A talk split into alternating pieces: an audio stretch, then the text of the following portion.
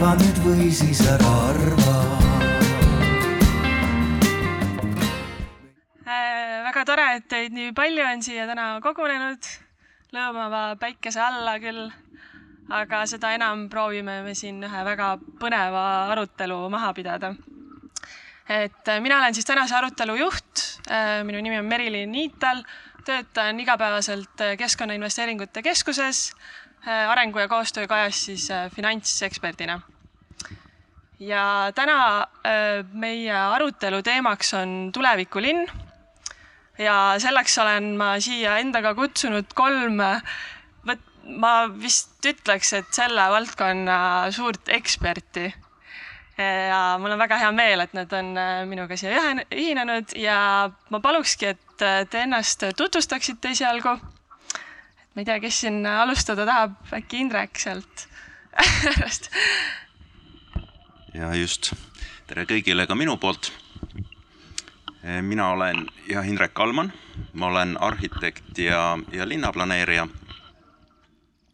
ja võiks öelda ka, et võib-olla eh,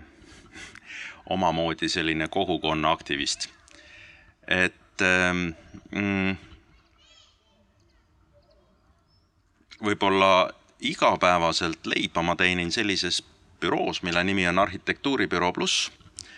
aga, aga lisaks on ka siis sellised ähm, erinevad ähm, spin-off'id või, või huvitavad teemad, kas siis millegi väga väikese tegemiseks nagu klassikpood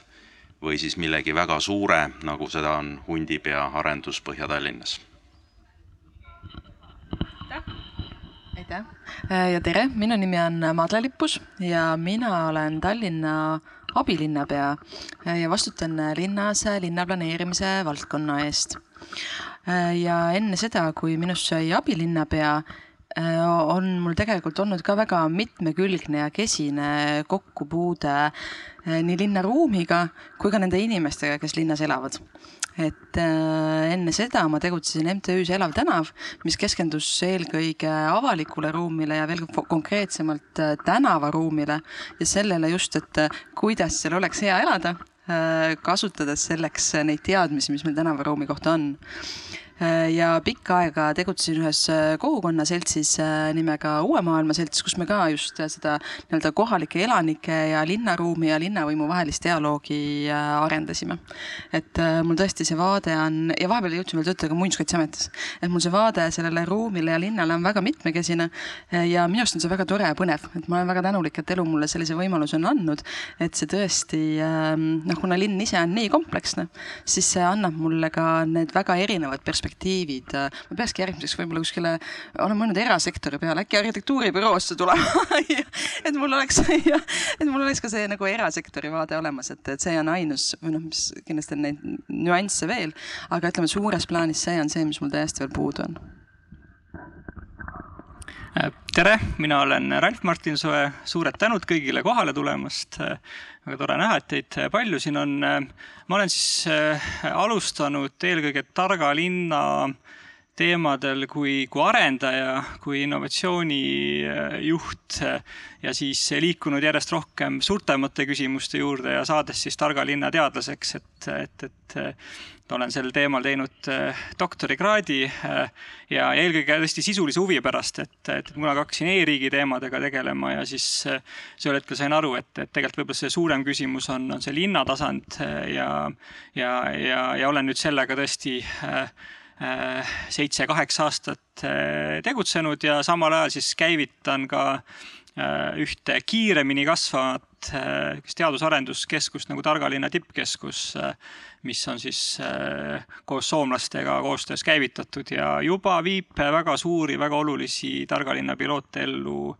Eestis äh, vähemalt kuues kohalikus omavalitsuses, aga järjest rohkem ka väljapool. et, et, et ma kindlasti siin natuke saan esindada ka seda, et, et mida me teeme teistes linnades nii Euroopas kui ka nüüd juba natuke väljapool ka. aga aitäh veel kord kutsumast ja aitäh siis kuulama tulemast aitäh teile ja lisaks äh, ootame väga publikutelt äh,, publiku arvamusi, küsimusi, et kindlasti kõik meist on kuidagi seotud linnadega, et kas nad siis elavad seal või, või käivad seal. Ja lisaks sellele ma väga soovitan teil minna vaadata seal aia ääres on meil äh, välja pandud äh, meie KIK-i äh, mininegavati konkursi raames noorte selliste kooliõpilaste poolt jagatud mõtted siis, et milline võiks üks tulevikulinn olla ja ma arvan, et eelkõige me ju peakski lähtuma sellest, et millises, millises linnas noored tahaksid elada, et, et võib-olla seal mõned mõtted on natuke utoopilised, aga, aga sealt saab äh, häid ideid, et äh, mille poole me liikuda võiksime. aga täna on meil siis äh, teemaks tulevikulinnad ehk see, milliseks võiks meie linnad tulevikus kujuneda ja samas võttes seal arvesse just inimeste heaolu, nende elukvaliteedi parandamist kuid samas ka arvestades äh, linnade poolt tekitatud siis äh, keskkonnamõju ja kliima, kliimamõju. ja hetkel elab siis linnades üle poole maailma rahvastikust, kuivõrd siis Eestis on selleks osakaaluks seitsekümmend protsenti. ja põhjuseid, miks me just linnade tuleviku üle võib-olla peaksime arutama on äh, mitu, et nagu ma mainisin, siis üks asi on see keskkonnateema ja samas ka see, et kuidas äh, keskkonna ja sellised kliimamuutused hakkavad siis ka meie linnades äh, meie eluolu mõjutama. et see on selline kahepoolne süsteem. ja lisaks muidugi peame palju pöörama ka rõhku sotsiaalsetele aspektidele, et kuidas meie inimesed saaksid võimalikult hästi ja mugavalt linnades elada ja leida siis äh, lahendusi nendele väljakutsetele, mis meil ees seisavad. ja sealjuures on ka hästi oluline arvesse võtta, et meil Eesti kontekstis on põhimõtteliselt siis üks selline ka üpris kiirelt kasvav linn, mis on Tallinn ja palju väiksemaid linnu, mis on oma rahvastiku äh, arvu poolest kahanemas. ja sellest tulenevalt on ka need väljakutsed küllaltki erinevad et me üritame siis oma arutelus ka seda arvesse võtta, et meil on muidugi siin Tallinna esindus, aga me proovime siis lähtuda ka sellest, et me otsime lahendusi ja, ja ideid siis äh, ka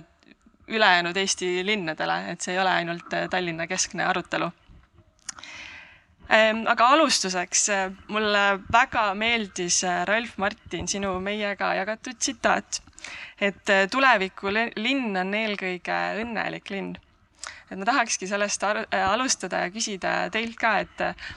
et millises linnas teie tunneksite ennast õnnelikuna või juba tunnete ja et mis kriteeriumeid see eelkõige siis täitma peaks?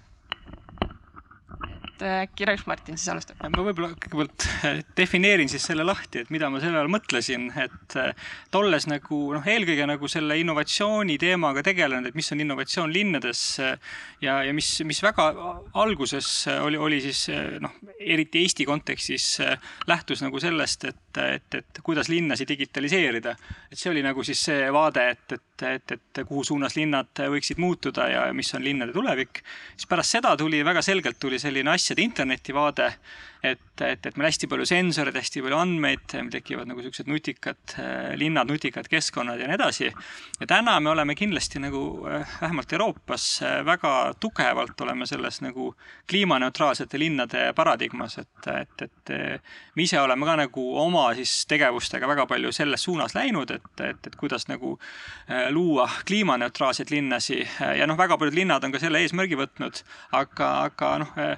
mis on nagu see, et, et, et, et mis on nagu samm edasi, äh, on see, et, et, et, et mis on nagu siis äh, see, mis päriselt linnasi kokku toob, et, et ega me oleme näinud maailmas väga palju näiteid, et digitaalsed linnad ise ei ole need, kus inimesed tahavad elada. ei ole kindlasti need linnad ka, kus on väga palju sensoreid, kohad, kus inimesed nagu elada tahavad, et, et, et see ei ole nagu see asi, et mille pärast sinna minna. kuigi väga paljud arvavad, et see võiks olla ja, ja, ja tegelikult noh, ma võib-olla olen natuke provokatiivne, aga ei ole see kliimaneutrus, neutraalsus ka see asi, mille pärast inimesed tahavad linna minna. kliimaneutraalseks saada on väga lihtne linnal. Äh, viia kõik inimesed linnast välja ja ongi kohe kliimaneutraalne linn, on ju, või vähendada inimeste arvu linnas ja ongi kohe kliimaneutraalsem, et, et, et, et selles mõttes seda eesmärki saavutada ei ole nii raske, kui olla väga äh, dramaatiline oma eesmärkide osas. aga, aga lõpuks on see, et, et, et, et tõesti nagu see õnnelik linn, äh, kus inimesed päriselt tahavad olla Äh, kus nad naudivad seda, äh, kus on see mõnus keskkond, et, et, et see on see, mida me ei oska veel väga hästi defineerida, aga, aga mis kindlasti nagu on saamas suuremaks eesmärgiks. Ja me ise oleme ka nagu sinna väga palju investeerimas, et me praegult just viime Narva linnas koos Narva linnaga viime läbi äh, õnneliku või siis heaolulinna pilooti. et just selles osas, et saada aru, et miks inimesed mõnes piirkonnas, mis objektiivselt on suhteliselt sarnane teisele piirkonnale, Äh, on subjektiivselt nagu rahulolevamad. et, et kindlasti on mingid tegurid, mis on nagu kinnisvara hinnad ja peegelduvad nagu selles osas, et mis on lasteaedade lähedus ja nii edasi. aga on väga palju teisi, teisi tegureid äh, kuni selleni välja, et me seal äh, mõõdame siis inimeste nagu füsioloogilist heaolu ka. et, et, et, et, et, et saada seda tagasisidet, et miks ühes kohas võiks olla nagu parem ja miks teises kohas mitte. et, et noh, seda kokkuvõttes, et, et, et jah endale meeldib linnas elada äh, ja mulle meeldib, kui linn on, on, on hea taristuga äh, äh, ja, ja, ja on tõesti mõnus keskkond, kus elada. täiesti nõus. vabandust, kas nüüd sees? On vist kuulda, väga hea. et äh, kohe tahaks küsida, et kas te mõõdate ka Tallinnas, et äh, hakkame, hakkame mõõtma, kui Tallinn, Tallinn on huvitatud, siis kohe tuleme sinu juurde, Madle no see kõlab väga põnevalt, see tõesti äh, noh, ma arvan, et see väga, väga füsioloogiline või asi, mida on väga hea mõõta. et äh, aga kui nüüd tulla selle juurde, et mis siis mina, kui, kui ma mõtlen nagu linnast või kui ma mõtlen õnnelikust linnast, siis võib-olla kõigepealt see, et, et kuidas ma üldse mõtlen linnast või, või, või mis see linn siis nii-öelda kodanikule ja kindlasti on minu jaoks nagu linnakeskuse inimene. et äh, linn tegelikult on ikkagi mõeldud inimestele ja see on see punkt, millest me peame lähtuma. ja see, mis nii-öelda see baas või et, et mis see linn siis tegema peaks oma inimeste jaoks, et tal, neil oleks seal, ütleme, alustame heast, et neil oleks seal hea, et, et inimesel peavad olema tagatud äh, baas äh, nii-öelda baasteenused, baasvõimalused, äh, baasturvalisus, et sul on tõesti elukoht, sul on kuskil äh, tööl käia, sul on lapsed kuskile panna, äh, sind ei ähvarda otseselt mingisugune oht. et võib-olla see, mis noh, nii-öelda need või et, et need kriteeriumid kindlasti on ka ajas muutuvad, et need ei ole alati needsamad, et ma arvan, et nii-öelda printsiibis seda võib-olla me oleme juba võinud rääkida aastakümneid, aga mida see konkreetselt tähendab, siis noh, Tallinna puhul see selgelt tähendab praegu viieteist minuti linna. Ehk et kus me oleme selle suuna võtnud, et mitte, et, et lasteaed ei ole sul terve Tallinn vaid et lasteaed ikkagi peaks olema kodu lähedal, põhiteenused peaksid olema kodu lähedal. et see kindlasti on äh, meie jaoks väga oluline. ja kui nüüd tulla selle juurde, et äh, ja kuna mul neid sensorandmeid veel ei ole, on ju, et, et mis siis teeb inimesed õnnelikuks linnas, äh, siis noh, olen olnud juba ammu sellel veendumusel, et linn peab võimaldama inimestel olla ja ennast realiseerida erinevatel viisidel ja, või noh, ühesõnaga realiseerida, aga kuna inimeste ootused, vajadused on ilmselt väga erinevad, äh, siis, siis peavad olema siin kaetud äh, nii-öelda erinevad võimalused. olgu see siis tegevusteks nii-öelda karjäärialasteks väljakutseteks, aga ka just igapäevaelu veetmiseks, et ja, ja, ja minu arust ja miks tegelikult mulle niivõrd praegu meeldib töötada kohalikus omavalitsuses, see on roll, mida mul enne ei ole olnud et kohaliku omavalitsuse roll ongi ju neid erinevaid huve kaalutleda ja proovida leida seda tasakaalu ja, ja kuna ma enne olen olnud just väga palju sellel positsioonil, et, et kuidas seda tasakaalu mulle tundub, et ei otsita, et proovida seda praegu ise teha ja vaadata, et, et kuidas tegelikult seda saaks teha paremini just nii, et, et me arvestaksime erinevate vajadustega. ja siis on kõik hästi õnnelikud. jah hästi lihtne Äh, õnnelik linn on see, kus elavad õnnelikud inimesed. õnn on igaühe jaoks subjektiivne. See, mis ühe teeb õnnelikuks, see teeb teise õnnetuks. ja nii on ka linnas. et tegelikult äh, mina olen näinud seda, et, äh, et me võime teha enda arvates nii hea linna, kui, kui vähekenegi võimalik ja nii õieti kui vähegi võimalik ja ometigi selline linn ei pruugi leida kasutajaid. hea näide on äh, läheme siit äh, hästi kaugele, veel soojemasse kohta, kui meil siin täna siin õue peal on. Läheme Abu Dhabisse, võtame Mastar City seal näiteks, mis on tehtud lihtsalt nii õigesti, kui vähekenegi suudeti maailmas ühel ajahetkel. ja täna napib kasutajaid, kasutajad on hoopis seal kõrval, hoopis räpasemas, hoopis äh, teistsugusemas keskkonnas, sest see tundub neile põnevam. ehk et äh, mina ei tea, milline linn teeb inimesed õnnelikuks ja mida peab tegema, küll ma tean seda, et inimestel peab laskma linnas ise toimetada, ise luua oma mikrokosmoseid, ise luua oma linnaosasid, otsustada seda, kas nad tahavad sõita rattaga, otsustada seda, kas nad tahavad sõita autoga. aga see peab olema organiseeritud viisil, et teineteise tõekspidamisi ei rünnata ja, ja läbi selle ei tekitata sisemisi konflikte käsi on püsti, ma kohe annaks sinna sõna. kas meil on mikrofon kuskil või ma räägin? sa võid öelda, ma, ma kordan siis üle küsimuse okei okay, äh,, ma tahtsin öelda seda, et tegelikult äh, inimesse, selle kohta, mis teeb inimest õnnelikuks, selle kohta on palju uuringuid tehtud psühholoogias on, on see üsna hästi teada.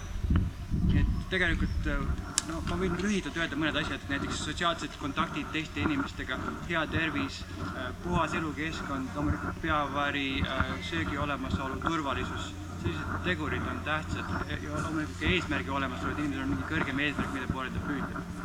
nii et see on teada psühholoogias, mis teeb õnnelikuks, kuidas linna kujundada niimoodi, et, et see neid eesmärke toetaks? On nagu võib-olla üks asi on lihtsalt, mis on linnakeskkonnas on keerulisem ja tõesti nagu eriti linnavalitsuse või, või, või kohaliku võimu tasandilt vaadates on see, et, et ja noh, nagu mida Indrek mõnes mõttes ütles ka, et, et alati need eesmärgid, mis teevad inimese õnnelikuks, ei lähe kokku omavahel. et, et võib-olla üks inimene, kelle teeb õnnelikuks see, kui ta saab kõndida sinna lasteaeda, mis on viieteist minuti kaugusel, võib-olla teise inimese õnnelikuks, kui ta saab rattaga sõita sinna. kolmanda teeb õnnelikuks, kui saab kergliikuriga sinna sõita, need juba oma, omavahel on konfliktis, aga siis kindlasti kindlasti on väga palju neid, kes, keda teeb õnnelikuks, kui ta saab oma autoga sõita nagu uksest ukseni oma lasteaeda, lasteaeda hommikul lapsega ja siis viiendat teeb õnnelikuks see, kuidas ühistranspordiga minna. ja, ja kui siis äh, võtta lihtsalt seda, et, et kõik, kõik tahavad olla õnnelikud, et, et kuidas seda siis kombineerida ja kuidas nagu seda, seda kompromissi leida, äh, sest see konflikt on natuke sisse kirjutatud. Äh, kui just ei ole võimalik, ma ei tea, õhku minna selle liiklusega ja siis kõigile piisavalt ruumi anda, onju, et, et see on nagu see koht, et, et, et, et kus on see palju keerulisem, on see nagu ühisosa leidmine, kui see, et, et, et, et see ainult indiviidi vaade, aga muidu on täiesti nõus, et, et, et kindlasti noh, seda me teame, mis, mis inimest nagu õnnelikumaks teeb ja mulle, mis mulle väga meeldis selles, mis te kommenteerisite või mis te välja tõite, on see, et, et tõesti sotsiaalsed kontaktid mm.. et äh, sellest ma arvan, me ei saa ei üle ega ümber, et inimesed tahavad tegelikult koos olla inimestega. et äh, ja linna ülesanne on luua erinevaid võimalusi just nende kontaktide tekkimiseks. siin on võib-olla nagu kohe hea täiendada, et, et ka mulle jäi täpselt seesama kõlama et sotsiaalsed kontaktid, sest eh, noh, tegelikult linna saab defineerida läbi sotsiaalsete kontaktide võrgustiku. ja, ja see, kust alates algab linn, eh, tuleneb ju tegelikult, seda mõõdetakse inimtihedusest ehk et kui palju inimesi ruutkilomeetri kohta kuskil piirkonnas elab ja alates teatud piirist siis see muutub linnaks kõigepealt on siis sellised hajusad linnad, kuni siis eh, nad muutuvad järjest tihedamaks ja on väga palju väga tõsiseid uuringuid, mis eh, tegelevadki teemaga, et kui tihe peab olema üks linn selleks, et need sotsiaalsed kontaktid oleksid eh, maksimaalsed. ja et eh, noh, sest sotsiaalsete kontaktide tulemusena avaldub inimeste loomingulisus, mis on nagu teine selline väga, väga oluline inimest iseloomustav näitaja et ja, ja noh, kohe, kui siia visata ka mõned arvud, siis ehm, viimased ÜRO eh, linnade jätkusuutlikkuse raportid on välja toonud, et eh, siis just nimelt analüüsides olemasolevaid ja ka uusi eh, linnaruume, sealhulgas Skandinaavias väga palju, sealsamas Stockholmi äärelinnas, Hammarbist enne rääkisime siin paar sõna ja, ja leidnud, et seal selline keskmine inimeste tihedus jääb siis kaheteist tuhande viiesaja ja viieteist tuhande inimese vahele mm, ruutkilomeetri kohta.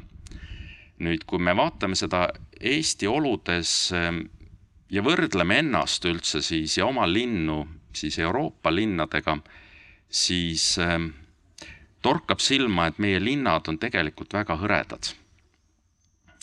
Kui me nüüd isegi need, mida me oleme siis nagu pidanud nagu linnadeks ja suurlinnadeks nagu Tartu ja Tallinn, on tegelikult Euroopa mastaabis erakordselt hõredad, kui Euroopa keskmine linnatihedus on kuus tuhat kolmsada inimest ruutkilomeetri kohta, siis näiteks Tallinn on kaks tuhat kaheksasada ja kui me omakorda paneme selle siis sellisele suurele kaardile ja vaatame, et mida siis tähendab selline linnatihedus, siis me näeme, et, et, et meie Tallinn ühtäkki langeb samasse kategooriasse või samasse patta Ameerika valglinnastunud linnadega, mis on ääretult autokesksed ja teisiti ju ei saakski olla sest, sest on hea võrdlus sealsamas ÜRO raportis toodud Atlanta, mis nüüd on siis Kanada poolel, ja Barcelona vahel, kus siis Atlantas ela-, eh, on, on linlik tihedus veel madalam kui Tallinnas ehk et kuskil tuhat viissada inimest ruutkilomeetri kohta ja Barcelona, kus on kolmkümmend kaks tuhat inimest ruutkilomeetri kohta ja on toodud välja, et näiteks liikuvusele ühes või teises linnas kulutab leibkond kümme korda suurema summa, loomulikult Atlanta kahjuks. Samas inimese toodetav nii-öelda justkui see väärtusloome, nende sissetulekud on nagu vastupidi, ehk et, et väga raske on sellist suurt ja hajusat linna üleval pidada. ma lähen küll praegu pikaks, aga kuhu ma tahtsin jõuda, oli, et oma mõtetes ma jõudsin sinna, et, et ju siin mängib rolli meie ajalugu, sest, sest isegi kui ma vaatan ühte oma lemmiklinna Viljandit,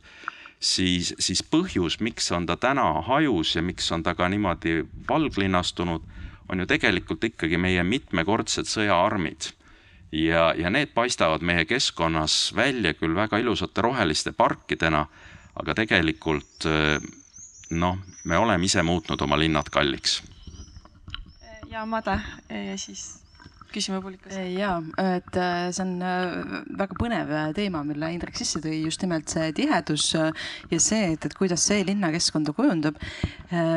ja lisaks sellele, et tõesti sõda on üks oluline faktor, mis seda on muutnud, on tegelikult Eesti puhul nende linna ilmete ja olmete oluline kujundaja tegelikult ka ajalugu. et nagu me praegu tegelikult istume Paide ajaloolises südames, nii see on oluline osa Eesti identiteedist ja ka tallinlaste identiteedist. meie väga mitmekesine ja ajalooliselt välja kujunenud ruumiline keskkond, mis tegelikult on samamoodi väärtus. ja see ongi see koht, kus tuleb neid nii-öelda tasakaalupunkte leida. et kui vaadata Tallinna puhul jah, et mis on need kõige hõredamad äh, linnaosad, sest need on Pirita ja Nõmme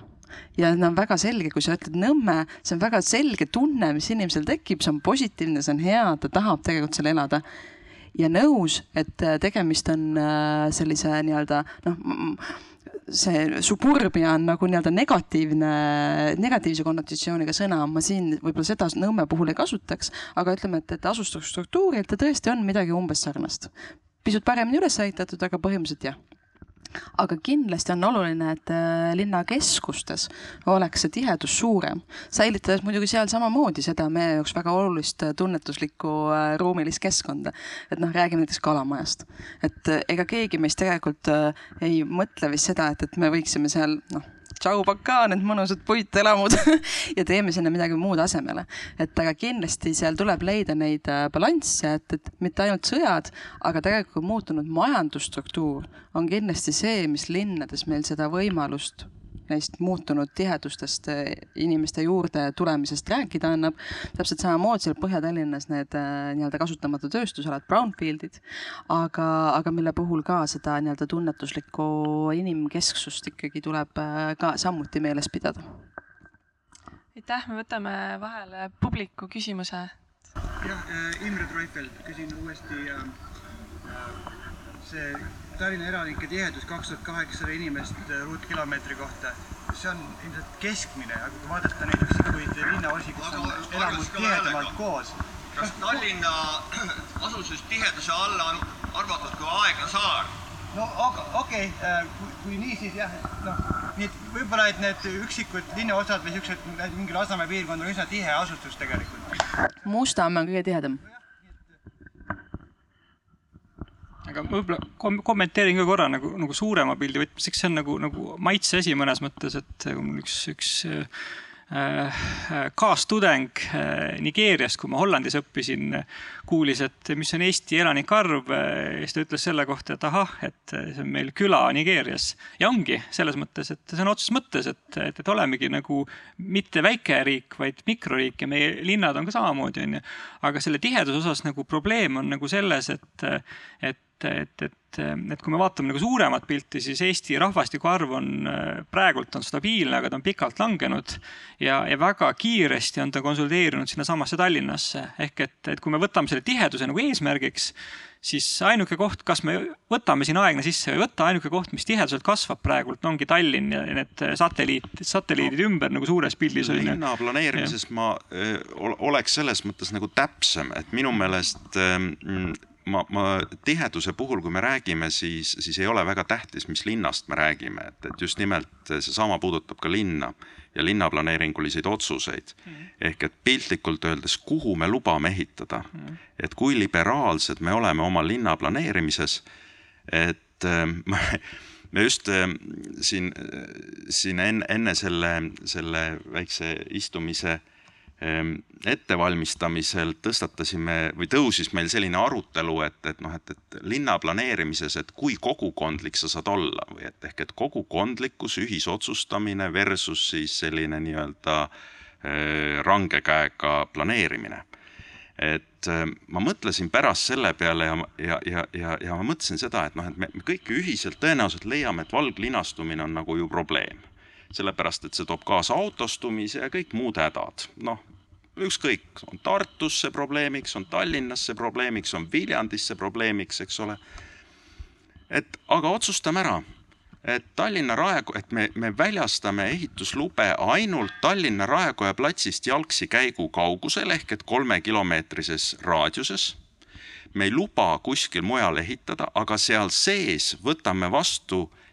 kehtestame kõik detailplaneeringud, ükskõik kui pöörased nad täna on ja läbi selle, mis juhtub, on see, et kesklinna piirkonnas ehitusõiguse hind langeb põrandale sisuliselt, sest sinna tekib korraga nii suur hulk ehitusõigust, et seda keegi ei suuda nagu välja ehitada. eluasemed kesklinnas muutuvad kättesaadavamaks ja mujal üritame niimoodi, et äärelinnadest keegi linna enam sisse ei pääseks, ehk et kehtestame mingisuguse tsooni. Ma, ma utreerin nii, kuidas ma suudan, ehk et nii äärmusesse sest sellele vastandlik on just nimelt selline kogukondlik ja selline oluliselt nagu pehmem linna areng, kus see ka see kesklinna elanik ütleb, et tegelikult ta tahab, et ta ümber säiliks pargid, eks ole, sellepärast et talle meeldib seal pingi peal istumas käia ja tal on täiesti õigus. ehk et kus kohas nüüd on nagu see piir, et kuhu maale me saame seda teha, mis on nagu õige ja mis me teame, et ka päriselt aitaks ja kus on nagu nüüd see, mida me tegelikult teha tahame, mis on nagu see inimkeskne linnaruum? tead, ma arvan, et siin tegelikult on välja mõeldud ka täiesti selline äh, äh, nii-öelda vahe, vahe vaheetapp nende kahe asja vahel, milleks on siis see, et, et planeerida, noh, printsiibis ma olen sinuga nõus ju, et äh, loomulikult äh,. millise peaksime... printsiibiga, kas selle radikaalse? noh, põhimõtteliselt see jah, et, et me peaksime või noh, et mõistlik on äh, planeerida nagu fookustatult ja, ja linn tõesti teha tihedaks. ma ei nimetaks seda kindlasti kogukondlikuks planeerimiseks, ma nimetaks seda pigem nagu selliseks äh,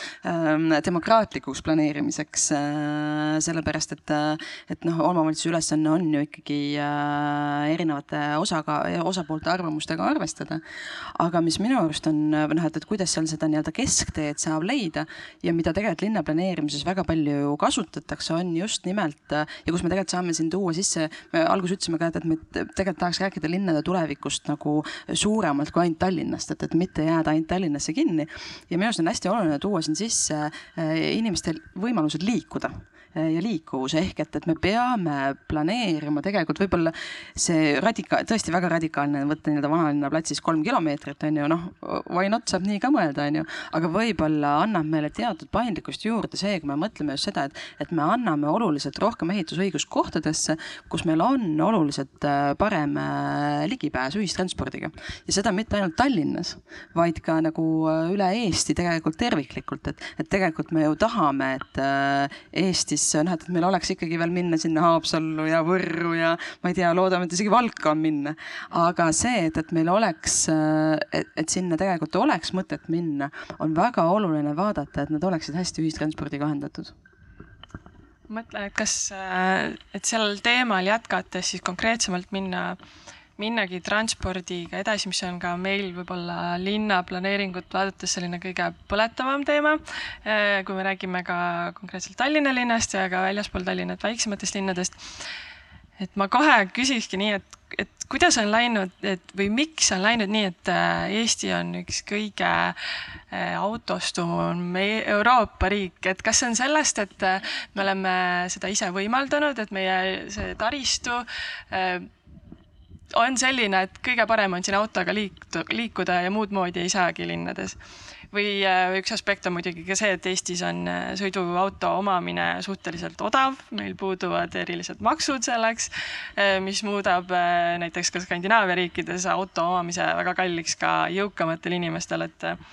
või siis on see ka tingitud sellisest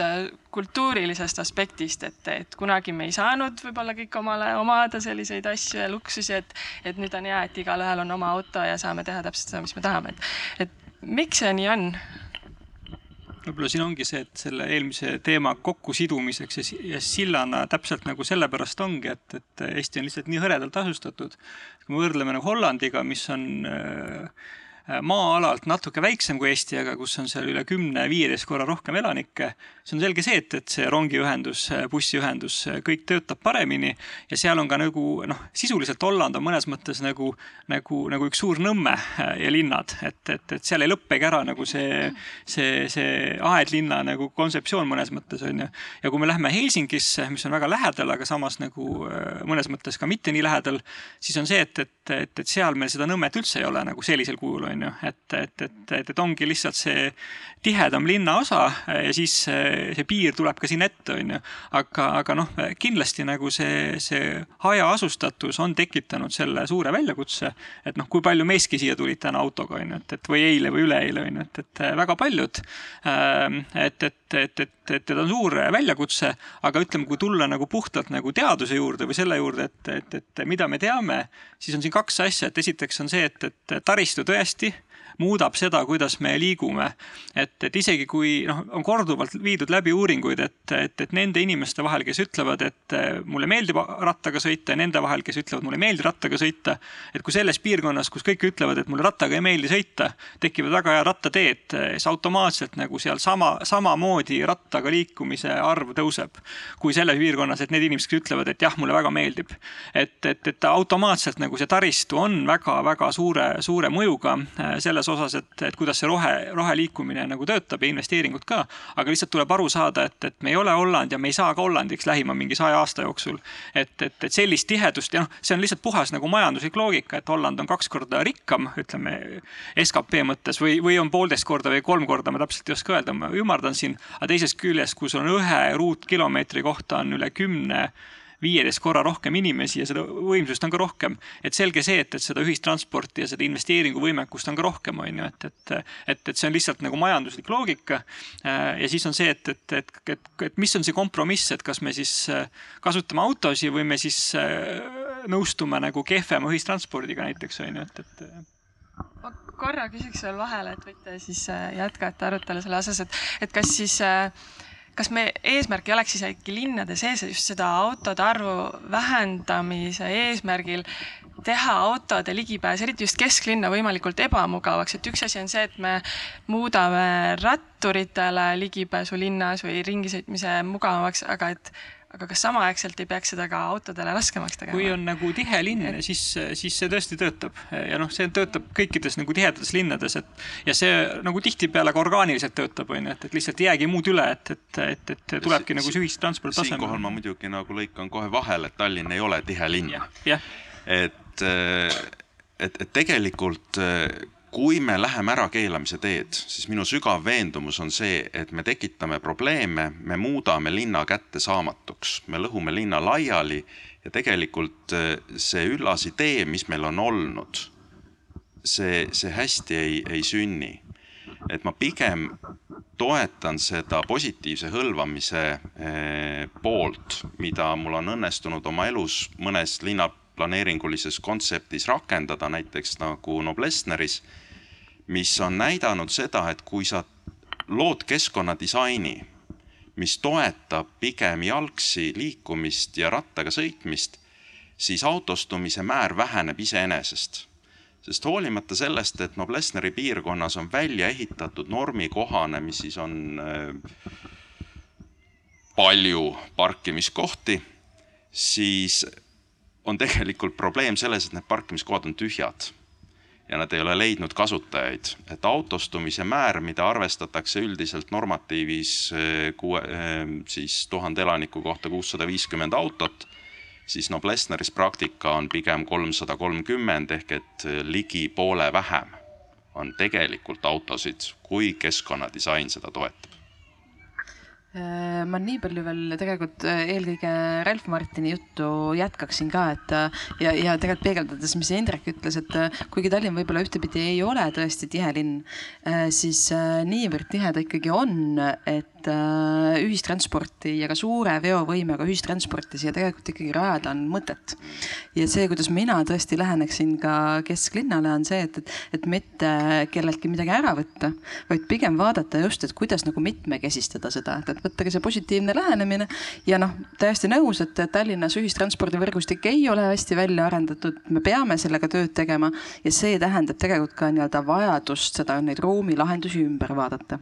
ja üks selline väga põnev ja väga vajalik projekt tegelikult meil praegu käsil ongi. meil on siis viis trammi äh, koridori äh, tegelikult ruumilist analüüsi. esiteks oli see ruumilise analüüsi äh, nii-öelda ülesanne oli püstitatud ruumilisele analüüsile, et kus me saaksime või et kuidas need trammiteed ära mahuksid siis Liivalaia tänavale, noh Liivalaiast kuni Kristiine keskusesse, Pärnu maanteest Tondilt kuni Järve keskuseni, siis veel Lasnamäe tramm kuni sinna kavandatava haiglani ja veel kaks äh, marsruuti, üks Puhangu tänaval, üks äh, Kalaränna tänaval. et aga noh, lisaks sellele, et, et kuidas nad sinna ära mahuvad ja juba see, et kui me mõtleme trammist või ütleme, me võime seda nimetada ka lihtsalt ühistranspordi ajaks sellel, neil marsruutidel, see juba oluliselt muudab seda ruumilist keskkonda. kuid mis väga oluline ja põnev tegelikult sealt nagu välja tuleb sellest uuringust, mis kohe-kohe valmis saab, on tegelikult see, et, et, et võib-olla Kalarannas hetkel vähem aga teistel marsruutidel, eelkõige Liivalaias, on nagu väga-väga hästi täidetud see vajadus trammi rajamiseks, ehk et see tramm tuleks teha sinna põhimõtteliselt kohe. et,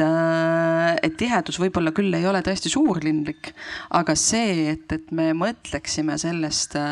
kui hea ühistranspordiühendusega ikkagi linlikust keskkonnast, mitte suburbiast ja see on ka põhjus tegelikult, miks ma Indrekuga ei nõustu, kui ta ütleb, et Tallinn oma tiheduselt on suburbia, ei ole. meil on küllalt palju inimesi siin enamikes piirkondades, tõesti kui välja jätta Nõmme ja Pirita, kus on piisavalt tihedust, et see on ikkagi jah, mitte New York City, aga täiesti okei okay linn, kus me saame nii-öelda, mida me peamegi linnalisena arendama. ja ei, selles mõttes sa äh, ei pea minuga mitte nõustuma, sest ma ise olen sama meelt hea, noh näiteks. see on arutelus on hea mitte nõustuda, sest siis tekib vaidlus. see on nagu põnevam. sest, sest ühes oma loengus ma tegin, tegin väikse arvutuse, võtsin meie Roosikrantsi tänava ja ümbruse ja, ja võtsin, võtsin natuke jupi vanalinna ja tegelikult need tiheduse näitajad seal on täiesti olemas. meil on lihtsalt väga suuri auke linnaruumis, eks ole, mis, mida me tegelikult võiks, võiks vaadata natuke teistsuguse pilguga, kui me seda siiani teinud oleme aga ma tegelikult tahaks tulla selle liikuvuse nagu põhjuse või selle, sellesama autokesksuse juurde või selle algse küsimuse juurde nagu tagasi, et, et, et võib-olla nagu ühe põhjuse selleks, et miks me armastame sõita autoga, mm, tuleb välja ikkagi transpordi erinevatest äh, sellistest uuringutest, inimeste käitumisharjumuste uuringutest, mis väidavad, et inimesed on nõus tegema sõite eh, igapäevaselt, mis on kuni kolmkümmend minutit pikad ja kui me nüüd hakkame mõtlema seda kohta, kus me ise elame, ükskõik mis linn see siis on parasjagu, et kuhu me kolmekümne minutiga jõuame, ükskõik siis kas käies jala, kas sõites rattaga, kas sõites autoga. ja siis mõtleme selle peale, kus on meie töökoht. kas see töökoht on ühe või teise nende liikumisviisiga kasvõi teoreetiliselt kättesaadav kolmekümne minuti sees,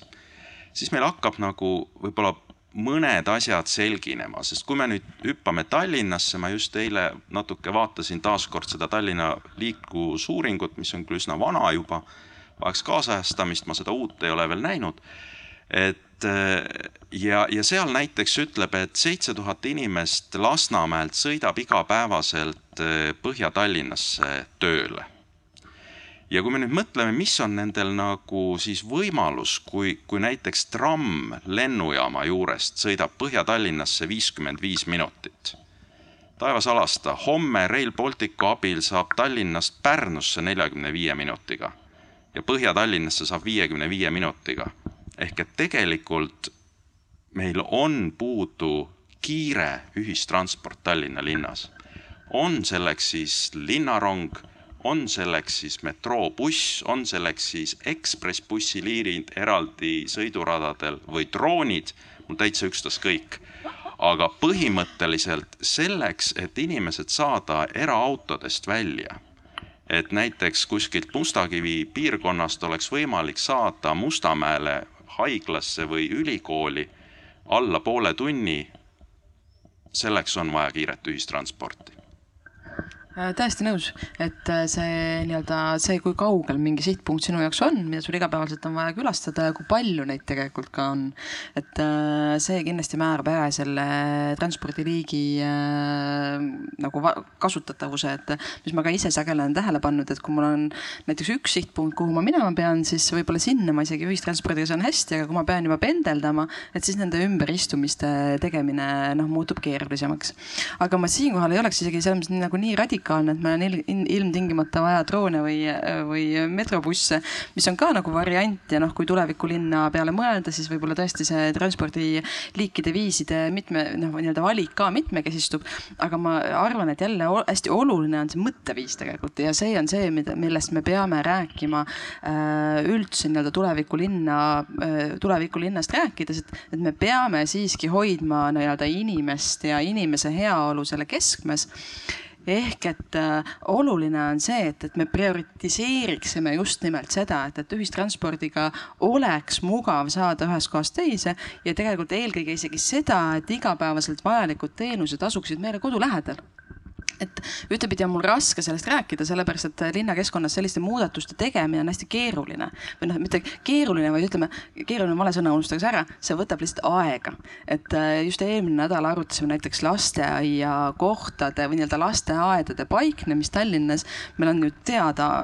ammu-ammu-ammu, et, et meil on suur nii-öelda mitmed piirkonnad, näiteks nagu Põhja-Tallinn või äh, kogu see mm, Kakumäe piirkond, kus, mis on meil väga halvasti kaetud. aga lihtsalt, kui sa vaatad seda nii-öelda esiteks investeeringute kava on ju, niikuinii riik äh, nõuab, et äh, kõik lasteaiad peavad olema vastavalt nõuetele renoveeritud aastaks kaks tuhat kolmkümmend on ju. siis me vaatame neid kohti, kus meil lasteaedu ei ole, et äh, ja siis veel seda, et tegelikult ühe uue lasteaia tegemine tähendab seda, et, et kõigepealt me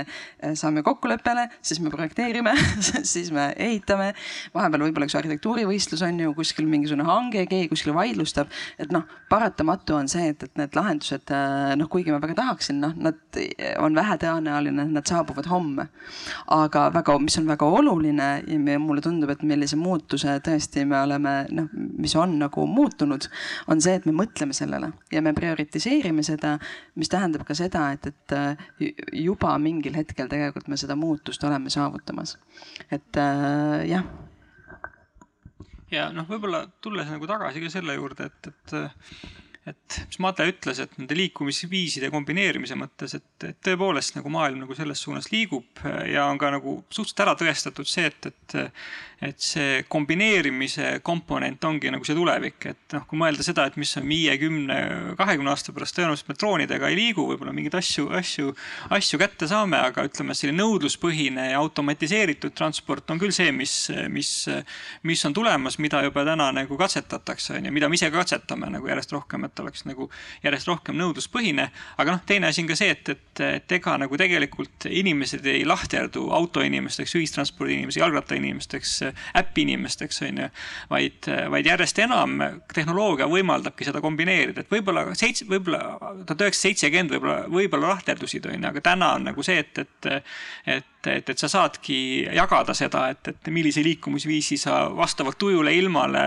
mis iganes olukorrale võtad hommikul, kui sa lähed, on ju. et, et see on täiesti uus asi seal, seal on tehnoloogia on väga palju seda muutnud. aga mis on siin probleem, on see, et, et, et, et see tehnoloogia eelkõige läheb sinna kus, kus mingil määral nagu see ühistransport juba töötab, on ju. et kui mõelda seda, et, et kui palju meil Tallinna ühist, Tallinna kesklinnas on, on, on võimalik eh, erinevaid uusi rakendusi kasutada liikuvuseks ja kui palju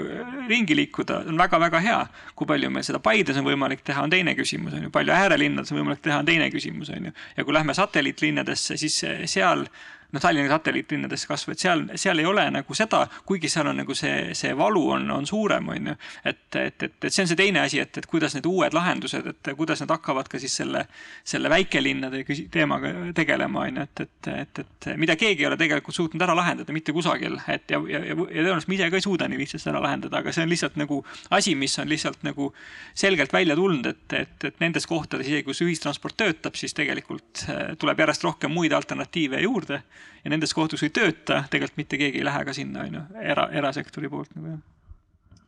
meil tekkis publiku seast üks küsimus. ja tere, et Kai Aras, et küsin, et, et oma selle ala praegu selle sessiooni tutvustuses seda, et äh, elu, elukeskkond, äh, kvaliteetne, kliimasõbralik linnas, eks, et kuidas me kinni seda tagab ja räägite siis transpordi poole, poole pealt ja sellest, kuidas siis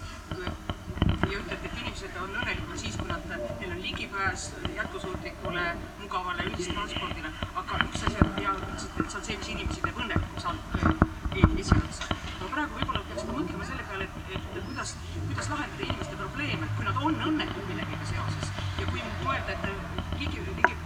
transpordi kättesaadavus, jätkub jälle sellises keskkonnasõbraliku transpordi kättesaadavus ja seal võimaluste mitmekesisus tõesti väga oluline, aga teiselt poolt jätkusuutlikud kliimasõbralikud energialahendused, et kui, millised on inimeste valikud praegusel hetkel selles olukorras, et kuidas nüüd seda lahendada, et transpordis tõesti on ju päris palju neid, neid võimalusi, seal on küsimus, et kuidas olla parem, kuidas teha paremini, aga et, terve hulk inimesi praegu väga tõsiselt mõtleb selle peale, et kuidas, kas praeguses lühikeses kriisis olla soojas, et see on see kütusevaesuse küsimus, mis on tegelikult inimeste peas, võib-olla, võib-olla see küsimus, et kas ma, kuidas ma liiklen äh, nüüd äh, tööle või, või koju, võib-olla ma olen nõus kõndima rohkem, aga ma tegelikult tahaksin olla soojas. et mul on see kütusevaesuse küsimus, et, et milline on minu toasoe ja milline on minu sõltumatus selle toasooja kättesaamisel. et korteriühistud ju neid selles osas on suhteliselt kehvas seisus praegu, et neil ei ole seda alternatiivi, et ja kus ja nüüd, nüüd tuleb küsimus, vabandust, et pikalt, aga tahtsin lihtsalt natukene nihutada seda fookust kliimast ja elukvaliteedist, et inimeste heaolu ja, ja õnne, õnn, kütusevaesus, vaesus ja võimalus endale toasooja tagada, aga sealjuures ka kliimasõbralikke lahendusi energiavaldkonnas, mitte ainult transporti. mis te linnas teete selleks, et korteriühistud saaksid tulla näiteks autonoomsete lahendustega välja? tead, ma just tahtsin, jah. varustuse tagamisel ka kliimaga ja elukeskkonnaga seotud ala aitäh, ma just mõtlesin, ma annan kohe kiire vastuse, enne kui meil siin diskussiooniks küllap läheb, aga et Tallinnal just, ma arvan, kevadel äh, avanes meede, äh, kus saab siis ja tegelikult on KredExil ka ju praegu meede, et, et kus saabki taotleda siis toetust äh, päikesepaneelide paigaldamiseks erinevate ja tegelikult nagu see ei ole mitte ainult siis päikesepaneelide, vaid erinevate teiste nagu sa saad seal ka nii-öelda üleminekut ühelt küttesüsteemilt teisele, näiteks kui sa tahad panna oma gaasikatla välja vahetada õhksoojuspumba vastu, seda toetatakse, et just oleks rohkem selliseid autonoomseid, säästlikumaid lahendusi noh, et meie, me, see tuba oleks kuidagi soe. et äh, loomulikult need on nagu keerulised komplekssed lahendused on ju, noh, meil on Tallinnas ju tegelikult suured äh, probleemid kasvõi sellega, et, et, et meil on mitmed piirkonnad, mis on väga keskse asukohaga, tõesti kesklinnas, mis näiteks ei ole äh, keskküttega ühendatud, et mis vanalinnas. mitte ainult vanalinna, vaid ka Kadriorg, Uus-Maailm, noh, terve, terve rida, Kalamaja, tegelikult paljud piirkonnad. et see on ka üks asi, mille me oleme nagu äh, tähelepanu alla võtnud just selles suunas, et, et kuidas esiteks seal trasside areng äh, toimub selleks, et, et see üldse tuleks nendele nii-öelda hoonetele lähedale ja kuidas tegelikult toetada ka neid korteriühistuid just nende ühenduste rajamisel. et see on väga põletav teema äh,. noh, lisaks sellele, et, et siis mõelda seda, et, kuidas saaks oma hoonet renoveerida selliselt, et Äh, nii-öelda, et, et oleks soojapidavam või et, et see energiaklass äh, tõuseks. et noh, põhimõtteliselt ongi siin ju kaks äh, nii-öelda kaks suunda üks ongi see, et, et äh, millised on need äh, nii-öelda, kuidas hoonet renoveerida. teine on see, et, et millist energiat ja kuidas kasutada. ja et äh, noh, mõlema nende jaoks tegelikult meetmed on olemas, aga noh, linnana tegelikult tahame veel rohkem sinna pingutada. aga kui päikesepaneele soovite panna, siis tallinn.ee, ma ei tea, päikesepaneelid kaldkriips, et selline noh, et, et me aktiivselt selles suunas mõtleme ja mõtleme, noh, kuivõrd linna planeerimine on just minu valdkond, siis äh,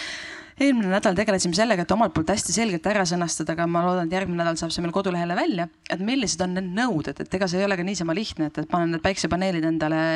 katusele ja tehtud. et seal ka tõesti erinevate osapooltega kooskõlastamine, näiteks katusele pannes, millised peavad olema katuse kandekonstruktsioonid, et see ei ole mitte ainult elektriprojekt, vaid see on ka tegelikult ehituslik projekt. et kuidas see kogu see protsess tegelikult muuta ka taotlejale niivõrd lihtsaks, selgeks ja arusaadavaks, et see läheks sujuvalt, et ta ei upuks ära sellesse lõputusse erinevate nõuete, erinevate osapoolte padrikusse. ma tahaks lihtsalt öelda, et võib-olla need ka need nutikad linnaplaneerijad tulevad sinna juurde, et nad seal taskukohasuse aspekt ja me ju teame, et päikseenergiat, noh, salvestusseadmed on tegelikult suhteliselt kulukad, et seda peab ka inimesed korteriühistutes nõusse saama, et kui kättesaadav see on ja kuidas on, noh, olete modelleerinud selliseid lahendusi? tegelikkuses ka tööle lähevad, et me ju teame, et kui sealt päikseenergiat praegu üle jääb, et ega me seda võrku ei saa, eks, ja kõik need muud aspektid. No. vastus on jah, me oleme sellega tegelenud. oma esimesed päiksepaneelid ma paiga- paigaldasin, ma arvan, tänaseks eh, ligi kakskümmend aastat tagasi. mu enda majapidamine seitseteist aastat on olnud ilma igasuguse võrgu liitumiseta. ja ehk et eh, sada protsenti off-grid elamine. Eh, jah, seda kogemust on aastatega tulnud ja minu vastus on see, et häid lahendusi ei ole. et üks asi, mis, mis on, kuhu, kuhu üks osa sellisest nagu minu sellisest nii-öelda ühiskondlikust tegevusest on ka olnud suunatud, on, on just nimelt selliste mm, siis ühistuline tegevus ka sellises energiavaldkonnas, sest noh, olgem ausad, suurte majadega Mustamäel ja Lasnamäel meil on võib-olla isegi suhteliselt lihtne veel, et seal on katusepinda ja, ja kõike värki ja, ja saab üheskoos, eks ole, need paneelid ära panna. aga kui me oleme siin ilusas Paide linnas, ajaloolised majad ümberringi, ega me hästi ei kujuta ette, kuidas see nüüd nagu üleni siis oleks nüüd ühel päeval päiksepaneelidega kaetud ja, ja, ja siis puud ka maha raiutud, et nad ju ei annaks varju nendele paneelidele ja, ja noh, me ju ei taha sellist elu. et ma usun, et, et selline ühistuline tegevus, mis Eestis on olnud poliitilisel tasandil pikalt olnud taunitud, nüüd ta on hädasunnil võib-olla, on, on, hakkab pead tõstma ja on ka seadusandlikult juba lubatud. ehk et siis äh, ikkagi nagu off-site energia tootmine ehk et piltlikult öeldes, et need majad,